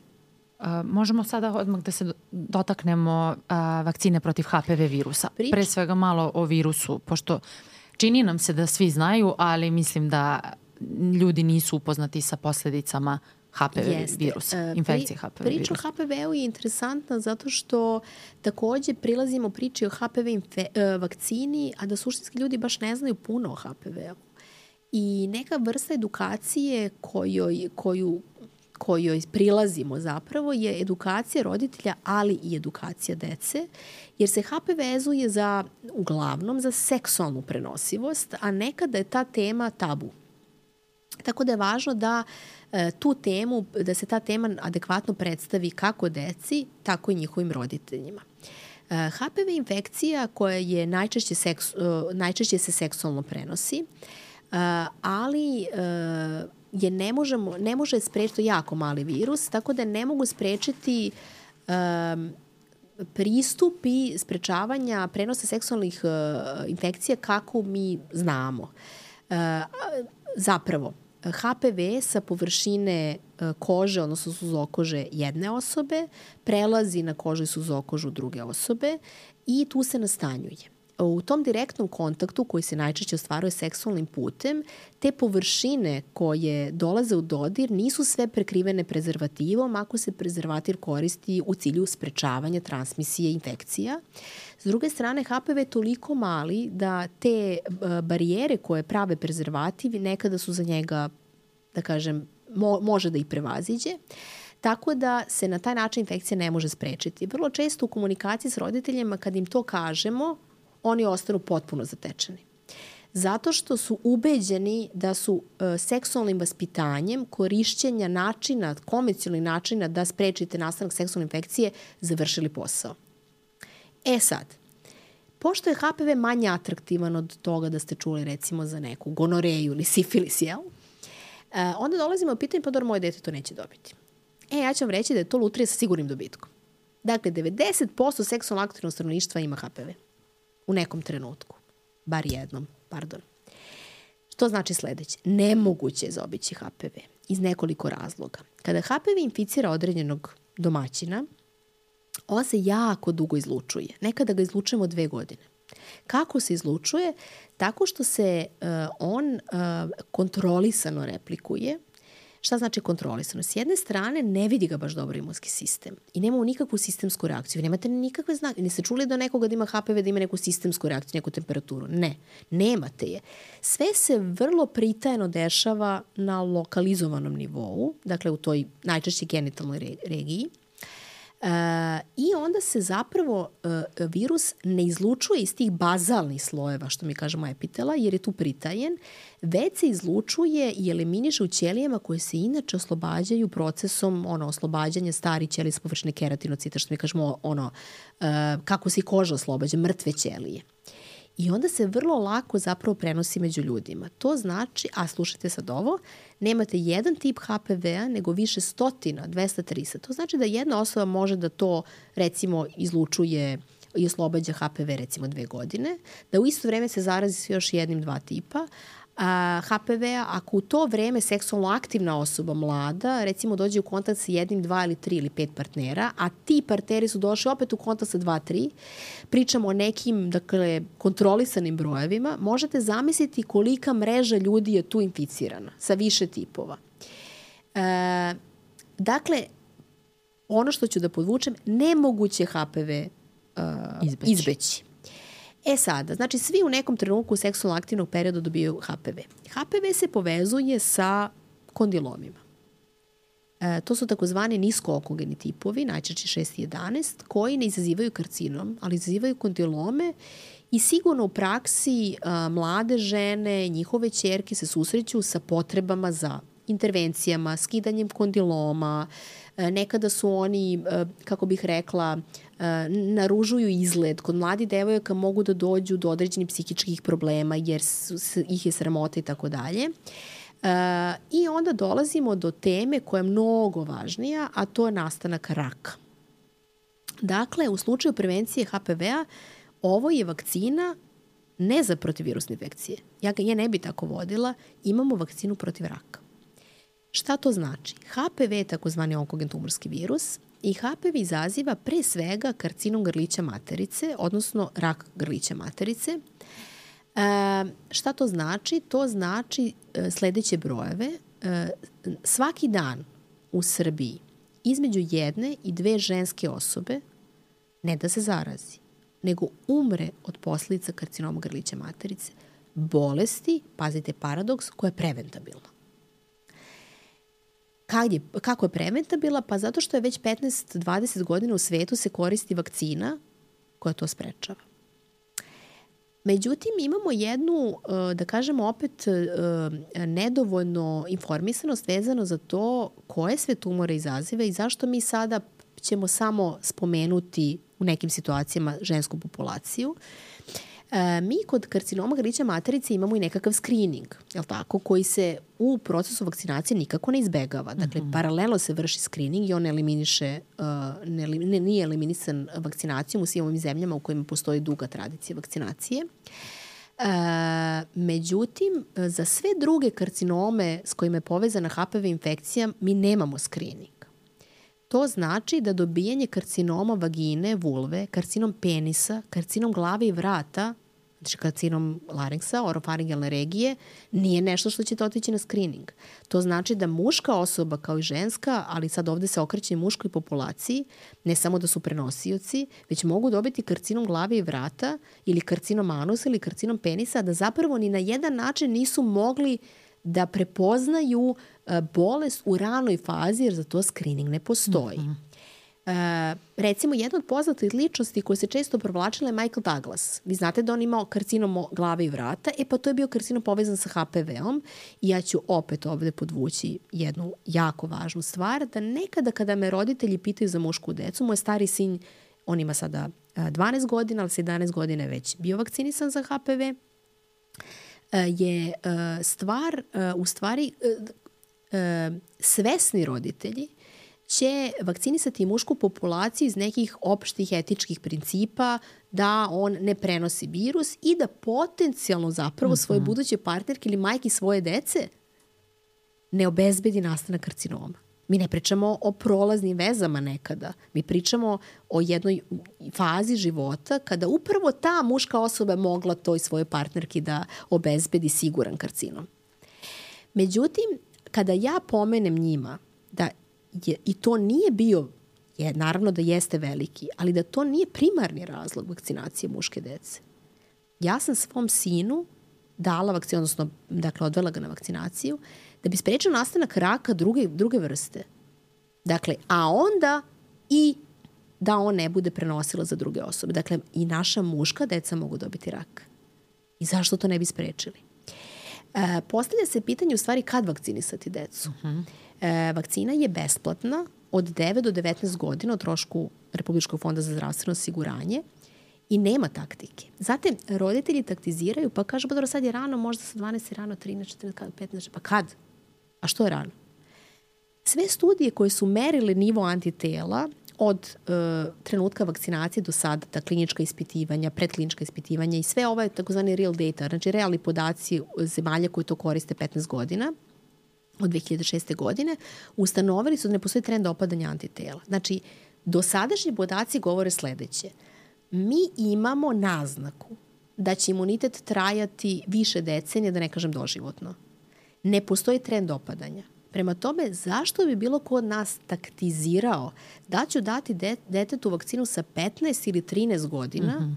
to u ovom trenutku zaista nema neke veze. Zgodno je da se ta vakcina da dok je dete u domu zdravlja, ako je, kad je naravno zdravo, a nije u nekoj akutnoj infekciji pod temperaturom, ali je to vrlo važno da se napomene, dakle, nema razloga da vi takti drugo, Vakcinacija se sprovodi u više doza. Do 15. godine u dve doze, od 15. godine sa tri doze. Što znači da ako vi uđete u 15. godinu, e, taj period kada vam je dete vakcinisano će biti mnogo duži. Prva doza, druga doza, treća doza. E, I svi oni koji su stari 19 godina zapravo takođe mogu da se vakcinišu, samo što oni vakcinu moraju da plate i te tri doze nisu naravno ni malo jeftine. Da, ja sam se raspitivala, pošto mi je drugarica pričala da je ona primila. Ona ima 27 godina i jedna doza je 15.000 dinara. Ko može sebi to da priušti, super, ali Važno zašto. Ali evo, sad ću da kažem, kada... E, pitanje je zapravo i to da li neko treba da se testira ako ide na vakcinaciju, ne mora da se testira na HPV, zato što svako ko je seksualno aktivan, verovatno je došao do HPV-a, ali vakcina štiti protiv devet genotipova, to je 90% cirkulišući, znači najčešće cirkulišu tih devet, tako da se uvek nadamo da i ako je ušla osoba u seksualnu aktivnost, da je ona ili došla u kontakt sa niskookogenim tipom, dakle ovi koji izazivaju kondilome koji jesu sadržane u vakcini, ili prosto nije došla u kontakt sa svih devet. Uh mhm. -huh. Dakle, i njima je zaštita visoka. U zemljama koje su vodile imunizaciju, najveća efikasnost i do 100% u populaciji je bila kada je naravno vakcina primenjivana kod uh, uh, mladih osoba, odnosno dece pre seksualne aktivnosti. I pokazalo se da im drastično opada incidencija i raka grlića matrice i svih drugih karcinoma. Uh, zbog različito, kako bih rekla, trenda, trend, mislim mi sve zovemo u statistici trendovi, ali postoji jedna tendencija rasta brojeva uh, uh, karcinoma anusa i rast brojeva oro, raka orofarigalne duplje. E, tako da e, je jako važno i u tim procentima i brojima koji budu rasli da procenat zapravo oni koji su zaštićeni od, oni, od raka koji je uh, uzrokovan HPV-om uh, budu na, na visokom nivou. Dakle, te tabu teme mi ne treba da, ne, ne treba da se vodimo tabu temama i mislim da se nekada uh, jasna poruka roditeljima, ne dolazi jasna poruka upravo što se svi ustručavamo da kažemo ono što zapravo svi znamo. Dakle, ne treba ulaziti u vrstu, način seksualnog odnosa E, ako postoji rizik ne samo za dobijanje karcinoma grlića materice, već i karcinoma glavi i vrata, odnosno orofaringalnog karcinoma. I vi ste tu kao roditelji da tu zaštitu obezbedite. Dakle, jedna od dobrih znači, znači uh, važno je pozitivan stav zapravo. Ono kako i mi nekada i učimo u toj edukaciji, komunikaciji sa pedijatrima i pedijatri sa roditeljima. Oni su na prvom udaru. Znate, vi, roditelji koji je zainteresovan, vi ćete odgovoriti na sva njegova pitanja, ali na kraju ćete reći, ali vi danas činite nešto dobro za svoje dete Znači, kada sam ja završila imunizaciju, a još bi bilo naravno intenzivnije da, da, da kod ženske, vakcinacije ženske dece jer je vezano za jedan vrlo frekventan karcinom, vi ste taj dan ili u tom periodu, vi ste rekli, ok, ja sam zaštitio svoje dete od jednog od najrasprostranjenijih karcinoma u Srbiji. Pa zar nije to dobra stvar? I imamo obrnut paradoks. Zamislite da vaše dete jednog dana dobije karcinom. I kaže, recimo majci, mama, a zašto ti mene nisi vakcinisala? Koji je odgovor? Zbog čega? E, najčešće, roditelji koji su odmah krenuli vakcinaciju, koji su bili upućeni, su zapravo majke koje su lečene od karcinoma ili očevi koji su zapravo te supruge izgubili. Oni su prvi dovodili decu na vakcinaciju. Dakle, ne možete sprečiti prenos virusa, nikako. Svi će ih dobiti u nekom trenutku. Virus izaziva rak, vakcina je izrazito bezbedna, data preko 500 miliona doza, 15-20 godina koristi se u svetu, preko 100 zemalja zapravo koristi ovu vakcinu. Kada je ona stigla kod nas? Uh... Ona je o trošku fonda već tu jednu godinu i po dana. Do sada je vakcinisano 5% dečje populacije, odnosno te grupe od 9 do 19 godina. Prvi, prvo interesovanje je bilo zaista fantastično, ali to su bili ljudi koji su već znali za to. I onda je e, počela stagnacija zapravo stagnacija je to informacija. Moja neka lična teorija, moram da je, da je ovaj, i kažem, jeste da onog trenutka kada to bude e, kao informacija dostupno velikom broju ljudi, e, biće trenutak zapravo kada budemo imali negde 40 posto, 50 posto, 30 posto, da ja to onako nagađam. Kad se o tome bude pričalo, ja mislim da to, kad, kad to postane trend, znate, kada budu videli deca i roditelji da je već bar pola njih zaštićeno da. od raka, pošto moje dete onda nije zaštićeno od raka. To je jako važno. Ja bih ovde takođe rekla jednu informaciju, ne znam koju populaciju baš ovde imamo da nas slušaju. Po našem zakonu osobe sa navršeni 15 godina mogu da prime vakcinu bez saglasnosti mm -hmm. roditelja. Sad ću da vam kažem zašto je to važno. E, to je važno za one kategorije, one porodice i one neke e, e, konzervativne porodice koje će vezivati vakcinaciju sa promiskuitetom. Mhm. -huh. Čak su neke studije socijal, sa socijalnog aspekta u tim zemljama da je izvršena vakcinacija merili da li je porasta stopa uh, promiskuiteta. Čak i to. I naravno nije. Znači, nema veze sa tim, zato što dete i dalje može da zatrudni, jel? odnosno mlad, mlada osoba i može da dobije druge seksualno prenosive oboljenja. Dakle, jedno s drugim nema veze. Sve što ste primenjivali za sprečavanje seksualno prenosivih bolesti ovde ne važi, ali isto tako osoba koja je vakcinizana za HPV nije zaštićena od ostalih. Dakle, jedno s drugim zapravo se ne preklapa. I do koje godine ima smisla vakcinisati se? Nema, nema, nema granice, granice, ali uh, suštinski se to uh, zapravo procenjuje na osnovu uh, uzrasta, na osnovu stila života i određenih oboljenja. Uh, postoje neke kliničke studije koje ispituju da li ima smisla davati vakcinu ženama koje već imaju karcinom i daju se vakcine. Zapravo daju se pre primenjene terapije jer se pokazalo da im se u određ... neke indikacije postoje, ali će i dalje su u toku kliničke studije, e, da im se e, tako e, snažno ovaj, razvija imunitet da im štiti ponovnu replikaciju virusa iako ga one imaju. I zbog toga je to važno. Ono što je takođe interesantno, a to je takođe jedan onako obrnuto proporcionalni odnos imuniteta stek, uh, koji se stiče vakcinacijom od prirodne infekcije u slučaju HPV-a. E, to je nešto vrlo interesantno. Rekla sam da je virusna infekcija lokalizovana, često nemanifestna i da tu boravi malo prekrivena da ne bi izazvala imunsku reakciju, da ga ne bi eliminisala i dugo se eliminiše. Kada vi date vakcinu koja sadrži samo jedan protein virusa, dakle vakcina ima samo taj protein, sad zamislite kada ubrizgate taj protein sistemski u mišić, vama se razvija sistemski imunski odgovor. Dakle, u slučaju ove vakcine imunski odgovor je od vakcine daleko superiorniji od imunskog odgovora koji se stiče uh, zapravo prirodnom infekcijom i to je nešto što mi ne viđamo tako često zapravo u uh, dejstvu patogena. Sad ste me s ovom pričom asocirali na uh, primere ljudi koji su protiv vakcina i oni često uzmu, otvore uh, uputstvo za pacijenta kada su vakcine u pitanju i počnu da čitaju neželjene efekte vakcina. Mm -hmm. I tu sad postoji niz neželjenih efekata kao što postoji i za svaki mogući lek. I tu je jako važno da se napomene učestalost tih -hmm. neželjenih efekata jer kada se nešto izvuče iz konteksta to zvuči jako pogrešno. I ono što je meni zanimljivo jeste da a, bi pojava tih neželjenih reakcija svakako bila mnogo učestalija i te neželjene reakcije bi bile mnogo ozbiljnije i burnije kada bi došlo do prirodne infekcije tim? U ovom slučaju se vrlo često, recimo kod HPV kad se to pomenuli, se vrlo često uh, među roditeljima postavlja pitanje da li to utiče na sterilitet. Uh mhm. -huh. A suština je obrnuta. Vi ovime čuvate, čuvate zapravo uh, fertilnost. Uh, Zato što vi ovime štitite genitalni trakt od potencijalnih intervencija, skidanja kondiloma, konizacija i svih onih intervencija koje se, razvi, koje se zapravo primenjuju u terapiji prekanceroze, kanceroze, kondiloma i tako dalje. Znači, vi zapravo HPV vakcinom čuvate e, čuvate mogućnost da a, plodnost, ajde kako to ovaj, širi auditorij može razumeti, dakle potpuno obrnuto mm -hmm. zapravo. E, naravno da su se poslednji 15 godina u svim tim zemljama zapravo i merile stope prirodnog priraštaja. I naravno da nema, znači ne, on, tamo gde se primenjuje vakcina jako, če, ja, e, bože, jako često, dugo u velikim brojevima, a to su procenti uspešnosti, znači kada imate preko 90% uh, vakcinisane populacije, zapravo nemate prema prirodnom priraštaju nikakve razlike, a to je direktno uh, uh, ono što, što je pokazatelj da li ima veze.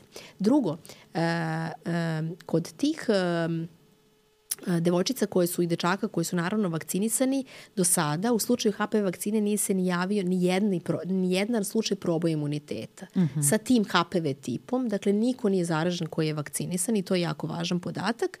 I Svetska zdravstvena zapravo ima strategiju na osnovu toliko efikasne vakcine koju posedujemo koja je iz, izrazito bezbedna, da se 2030. godine zapravo HPV e, karcinomi eliminišu. Za nas je to nije realno, ali za, malo za neke zemlje poput Australije ili neki drugi to je realnost. Šta znači eliminat? To nije eradikacija. Mm -hmm. Dakle, virusa će biti, potrebni su skrinizi i imunizacija koja se nastavlja, ali to znači da će opterećenje bolestima vezanim za HPV biti mala. To znači ispod 4 slučaja na 100.000, mm -hmm. kako se to meri. E, I to znači da ta bolest više neće predstavljati opterećenje. A u našoj zemlji to je veliko opterećenje i naša zemlja je jedan od rekordera u broju bolelih i umrlih. Mi smo uvek na listi prvi tri, prvi pet, prva dva, prvi, bili smo i prvi. Znači, s jedne strane, ima, na, mi smo mali, mislim, mi smo mala zemlja, mi smo u vrhu uh, lista uh, od broja umrlih i obolelih od uh, samo karcinoma grlića materice, tu se ne računaju drugi, a sa druge strane imate na stolu jednu pre, prevenciju za to koja već 15-20 godina postoji. postoji i radi u drugim delovima sveta već je pokazana. Dakle, imamo način, da, da, e, to su one priče, dobro, ova vakcina, ne znam, je za ovo, za, za ono, ajmo kad bude jedna vakcina za rak. Pa imamo vakcinu za rak. Da, da. To je vakcina za rak. Jer je ovo karcinom koji je najviše povezan sa virusnom infekcijom. Dakle, ja sam pomenula mnoge druge karcinome, ali oni nisu toliko, da kažem, 100% uvek povezani sa virusnom infekcijom. Karcinomi grlića materice se u preko 99% slučajeva zapravo nalazi taj virus i e, ako nema virusa, nema karcinoma. To je suština kod ovog karcinoma. I ova vakcina se promenjuje intramuskularno, Jeste, odnosno u mišić. se u mišić, A, pa za... su bile priče, pa dobra, leto. E, nema naravno, naravno, e, redko kad se dešavaju čak i reakcije tipa bola u ruci i tako dalje. Pa smo uvek, e, šalili smo se naravno, šta ako bude pitanje, pa dobro, ali baš su potrebne, recimo moje dete, ne znam, svira klavir, pa može i u nogu. Jel? Mislim ne postoje prepreka, to da, sam da, htjela da, da kažem. Nema izgovora. Nema izgovora. A postoje još i drugi načini za primjenu vakcina, to je Inače, zanimljivo. Inače, postoje drugi načine, da, to je recimo upravo ta za polio i tako dalje. E, e, one se zapravo kao kapljice daju. E, postoji nešto što u budućnosti ćemo e, primenjivati kao, nadam se skoro, intranazalnu vakcinu. Uh mhm. -huh to će biti vakcine koje će u nekoj vrsti spreja da se daju nazalno i imaće veću snagu sprečavanja nastanka infekcije kod respiratornih bolesti. Nije lako ih napraviti, deluju prilično naivno, dakle moraju da budu efikasne i sistemski i lokalno. Imaće, imaće prednost zapravo zbog toga što će štutiti sluznicu naravno i od kontakta od tog prvog, dakle da spreče nastanak infekcije. Moraju biti dovoljno snažne da indukuju taj sistemski imunski odgovor ali takođe moraju biti dovoljno bezbedne jer njihova primena je ipak blizu centralnog nervnog sistema i u tom smislu su neki od prethodnih uh, uh, u kliničkim studijama u prethodnoj deceniji bila je jedna koja je ovo, bila razvijena za grip i imala neke neželjene efekte zbog čega je prosto stopiran razvoj, ali postoje mnoge kompanije koje se time bave, koje razvijaju intranazalne vakcine. Jedna od tih kompanija je Swiss Rocket, gde je na čelu zapravo naš čovek, hemičari, sestra i brat u Švajcarskoj koji razvijaju za COVID intranazalnu vakcinu u kliničkim su fazi kliničkih ispitivanja. Mnoge druge, naravno, infek, mnoge druge vakcine za različite bolesti i sad je pitanje da li možemo dati takozvane te lokalizovane vakcine da sprečimo recimo nastanak herpes virusnih infekcija o kojima smo pričali. Delikatno je poprilično jer su oni povezani i sa tumorima i sa autoimunskim bolestima, tako da je to vrlo delikatno, ali na platformama mRNK vakcina postoji e, takođe faze razvoja za Epstein-Barr virus i tomegalovirus, ali vidjet ćemo šta na budućnost nosi. Ja samo zamišljam recimo ako se desi vakcina protiv EBV, ne kažem nećemo imati u krajem slučaju multiplu sklerozu, ali ep, e, epohalno otkriće e, HPV vakcine da nemamo karcinom kralića matrice i sve druge karcinome već bila i pokazala se kao dovoljno velika, tako da ovaj, nešto imamo, nešto čekamo, ali ono što imamo onda treba i da primenimo. Toliko naučnih istraživanja, toliko otkrića i opet kod nas nije dovoljan a, stepen imunizacije e, za ja zaista, neke. Ja zaista ovde u slučaju HPV-a mislim da većina ljudi nema, nije dovoljno informisana. Uh, e, i da zaista ne znaju ovo što, što, o čemu smo pričali, da će svako dobiti, da ne može da se spreči, da može da nastane karcinom raznih vrsta i da ne možete to ovaj, u krajnjem slučaju da, da sprečite ni jednim drugim načinom nego vakcinom, da je izrazito bezbedna, da je besplatna. Znači to što je besplatno je takođe važan uh, važna stvar za roditelje, jer su mnogi ranije, znajući značaj te vakcine, zapravo je kupovali u stranstvu pa donosili u našu zemlju vakcinisali decu mnogo pre ovoga. Takođe, ovo je devetovalentna vakcina, zapravo najbolja na tržištu, pre toga su roditelji davali dvovalentne i četvorovalentne, dok se nije razvila devetovalentna. E, tako da mislim da tek sa dovoljno informacija tih ključnih desetak u krajnjem slučaju, mislim da bi bilo dovoljno za većinu roditelja da takvu odluku naprave. E, bilo bi naravno dodatni pitanja, ali mislim da ovih nekih 5 do 10 ključnih informacija su one koje uh, uh, do, donose ovaj, odluku, Promenu. odnosno tas da. na vagi, gde se čak i u stvari ne dovodi u pitanje ona Druga zašto bez... ne. Da, pa jest. da, da, potpuno je bezbedna, ali generalno pričamo o vakcinaciji. I sad ćemo yes. se malo i dotaći anti-vaksera, odnosno ljudi koji su protiv vakcina. Oni su baš glasni. Već sam ih pomenula, ali moram opet jer jako su glasni i evo ovo je neki način da mi promovišemo nau, naučne činjenice, nije to neka zamisao, imaginarna misao neka naša, nego ovo su naučne činjenice i njih to nije nešto u šta možemo ili ne, ne moramo da verujemo, one postoje i to je to. E, da, jesu glasni, to je tačno. Ovaj, mi generalno uglavnom nemamo prosto taj stile, nemamo potrebu ubeđivanja na taj način. Um, e, činjenice prema nekim istraživanjima uh, jesu da je zapravo to jako mali procenat ljudi. Da, ali su jako, I da je veliki glasni. procenat ljudi oni koji je neodlučno. I ja vrlo često volim da kažem da ljudi koji ne prime određenu vakcinu uh, nisu antivakseri, već se, su kolateralna šteta. Jer su na udaru svi tih informacija i zaista kako oni da odluče. Dakle, jedini način uh, zapravo, selekcije, zapravo je selekcija informacija i uh, pristup uh, izvoru, dobrom izvoru informacija. Pa onda je sad pitanje koji, kako da birate izvor informacija. Pa ako neko ima podatke koje vam nudi ili se time bavi svaki dan, to je osoba u koju i saberete dva, tri takva izvora, osobe ili izvora nauča i tako dalje, onda je to neka dobitna kombinacija. Uh, ja lično, ovaj, smejala sam se, bilo je aktualno i za vreme COVID-a i Twitter komentari i tako dalje, kako ja znam nešto o virusu ili o PCR-u ili ne znam nija čemu, pa zato što sam virusolog. Mislim, hoću da kažem I godinama da, se pa, ali hoću da kažem uh, ne samo da sam u kontaktu sa uh, diagnostikom pacijenata, bavim se naučno time i krajnjem slučaju sam obraz, obrazovno vezana za to, za edukaciju, ali opet navodim i neke druge ljude, jer nikada ne, mogu, ne bi mogla preporučiti terapiju za lečenje određenih oboljenja srčanih pulmoloških, niti sam se time ikada bavila, jer ja to ne znam dovoljno. Znači, um, i onaj koji se bavi medicinom ne zna medicinu skroz i držanje nekakve svoje oblasti ključ zapravo za, za razumevanje i onoga ko sluša i onoga ko priča, tako da i mi među kolegama zapravo volimo da razmenimo mišljenje zajedno, da dođemo do zaključka, ali tako što će svako iz nekog svog domena moći da da najbolje od toga ili najaktuelnije u smislu tih saznanja. Ako je izvor uh, uh, osoba ili sajt ili portal ili kako god, koja zna sve o svemu, To je apsolutno nemoguće. I bez toga, bez podatka koji bi to podkrepio, bez naučnog podatka, vi kada biste sad ukucali recimo HPV vakcina, vi biste začudili koliko naučnih publikacija na tu temu ima. Neko je radio te nauče radove.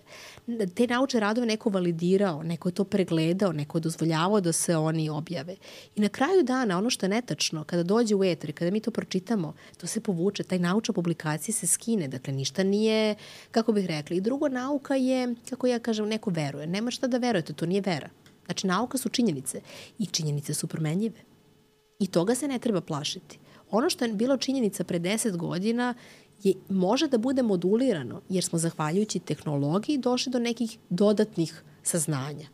Tako da u tom smislu je selekcija zapravo bitna, ne ono što će vam nametnuti, rekli smo, algoritmi, jel?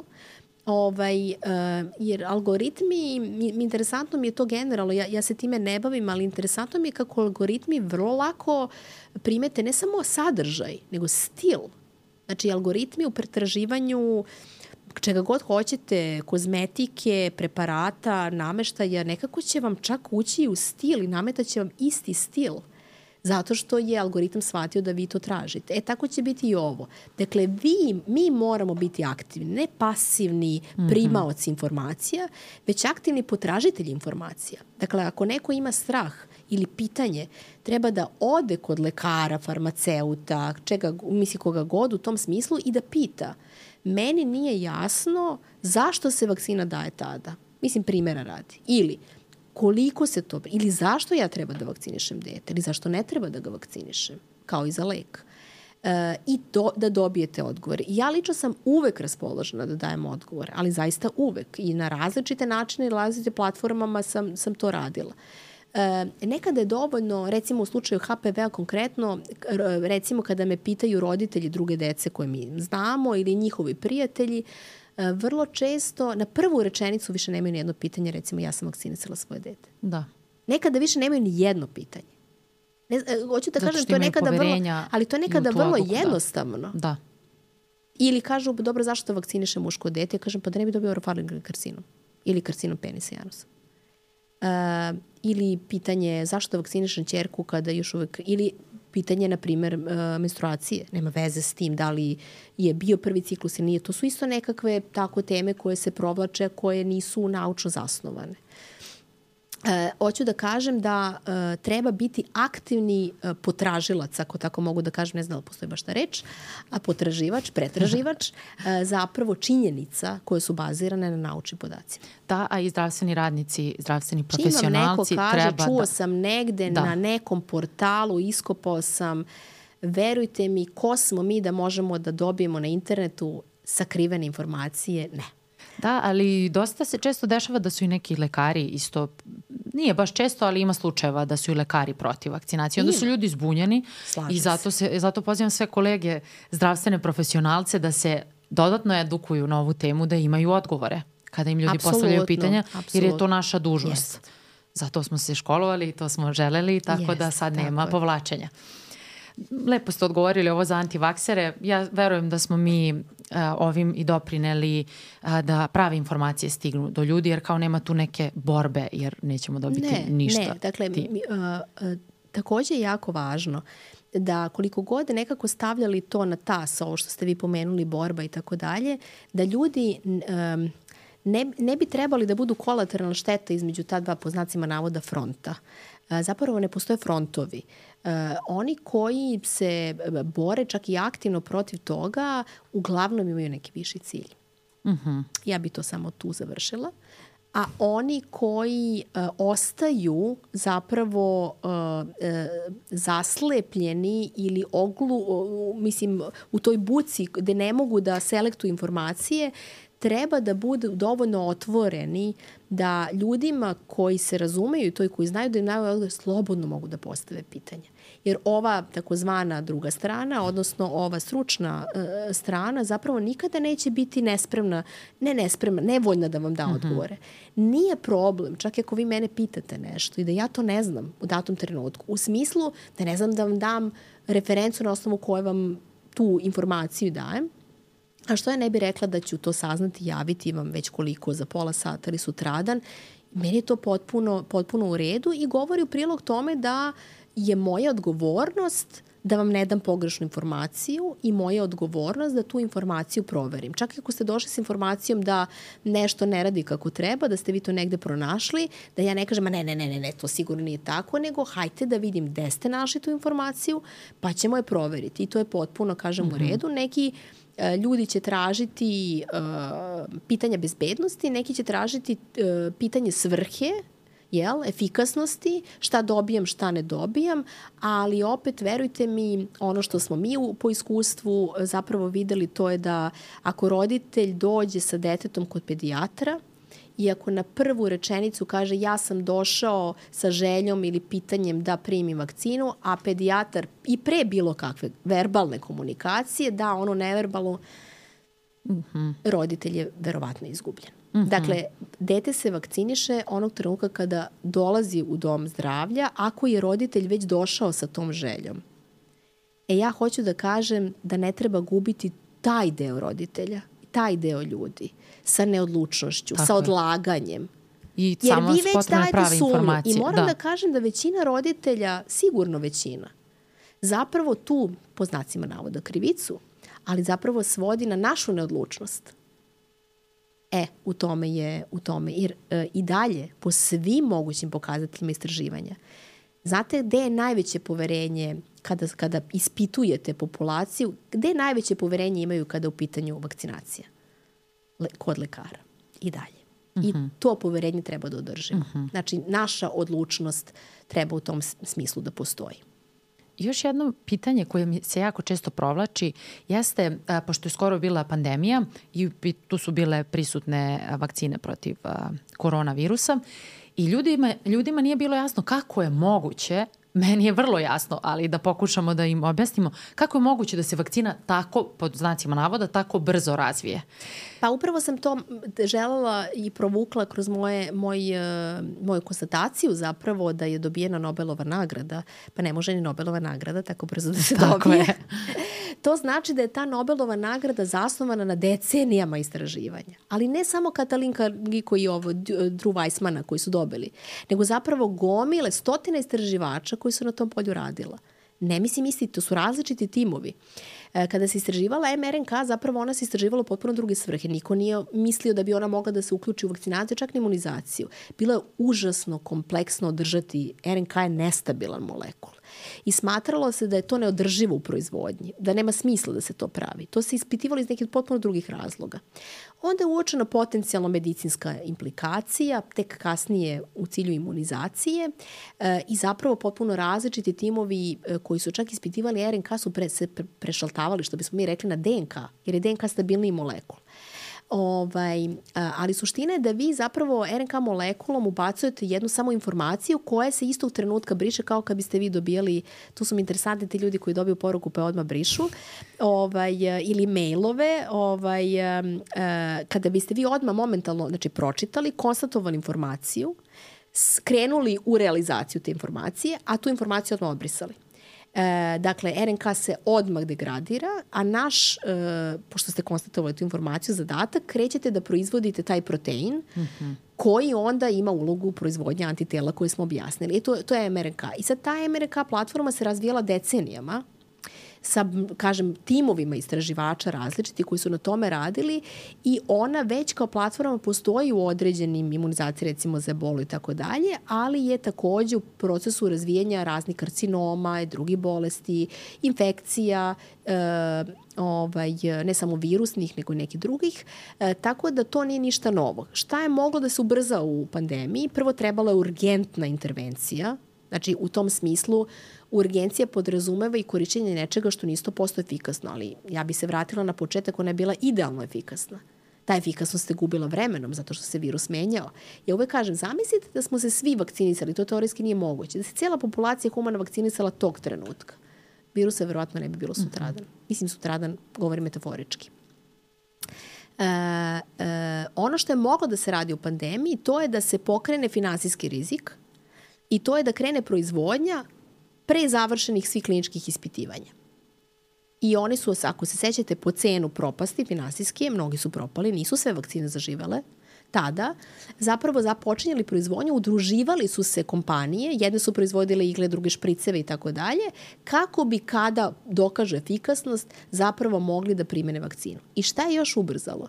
Vi se tada mogli da vakcinišete uh, i da uh, niste morali da čekate sezonu korone, da ispitujete kliničke faze u realnom vremenu, jer mhm. je korona bila tu, tako da ste mogli da ispitujete zapravo odmah realno stanje i zaražavanje na koje niste morali da čekate čekate, jer nekada morate da čekate slučajeve koji se dese, pogotovo ako bolest nije frekventna i tako dalje. U ovom slučaju ste to mogli da pratite u realnom vremenu i sve je to ubrzalo samu proizvodnju, ali platforma je već bila tu. Dokaza to je kolikom brzinom možemo da adaptiramo vakcine kada su nove varijante u pitanju, promeni se zapravo um, samo ta informacija, mi već za dva meseca imamo prilagođenu vakcinu novu varijantu.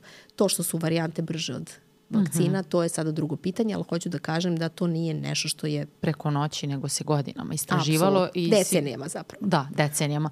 A, a, ja bih pomenula da su profesori sa farmaceutskog fakulteta napravili a, brošuru baš Jest. za a, COVID vakcine u Srbiji. Ja ću ostaviti link ispod epizode, pa koga interesuje, kome nije ovo bilo dovoljno, neka pročita dodatno, Tako detaljnije. Je. U suštini smo odgovorili na najčešće postavljena pitanja vezana za vakcine. Da li biste vi nešto dodali, nešto o čemu se malo priča kada je vakcinacija u pitanju, a da želite da ovde sada podelimo? Pa nemam zapravo ništa specijalno. Ja bih samo podvukla da uh, smo svi mi uh, tu da odgovorimo na pitanja i da podvučem to da, kako bih rekla, vakcina nije, odgovor neću da vakcinišem svoje dete, nosi sa sobom određene konsekvence. Ja bi samo to želela da podvučem, da budemo svesni kao roditelji, da mi odlučujemo za zdravlje naše dece i da ne treba taj rizik, čak i da je on minimalan. Znači kada biste vi zapravo, kada bi se stavio na papir i napisalo uh, imaš šansu kao roditelj da uh, daš prevenciju detetu koja je bezbedna i imaš šansu da uh, tvoje dete 1 ili 2% teško boli od neke bolesti, zašto biste uzeli taj 1-2%? Da, jer kad se taj procena desi, to je, ako je jedna osoba, to je porodici, znači, je to 100%. Vi, vi e, kao roditelji zapravo trebalo biste da uh, sprečavate svesno ulaženje u opasnost, jel? A i na nama je da uradimo ono što možemo, a ne možemo sve sprečiti. E, tako da sve što je provereno i što postoji e, ne treba da izbegamo iz straha, ali isto tako e, želim samo da kažem da je svaki strah opravdan. Dakle, nije, e, nije nama u fokusu e, grupa ljudi e, koje nema strah i ja mislim da je strah potpuno opravdan i da samo treba da ga otklonimo ako je on zasnovan na nečemu što je nije vezano za zapravo prave informacije za nauče podatke. Dakle, vakcina nije nikako verovanje. Da, to, na to, to su činjenice. Tako je. I kada smo u, govorili o prevenciji, jako je važna ona redovna vakcinacija, postoji kalendar vakcinacija za decu, tu to je toliko regulisano sada da nema potrebe ni toliko da se preispituje.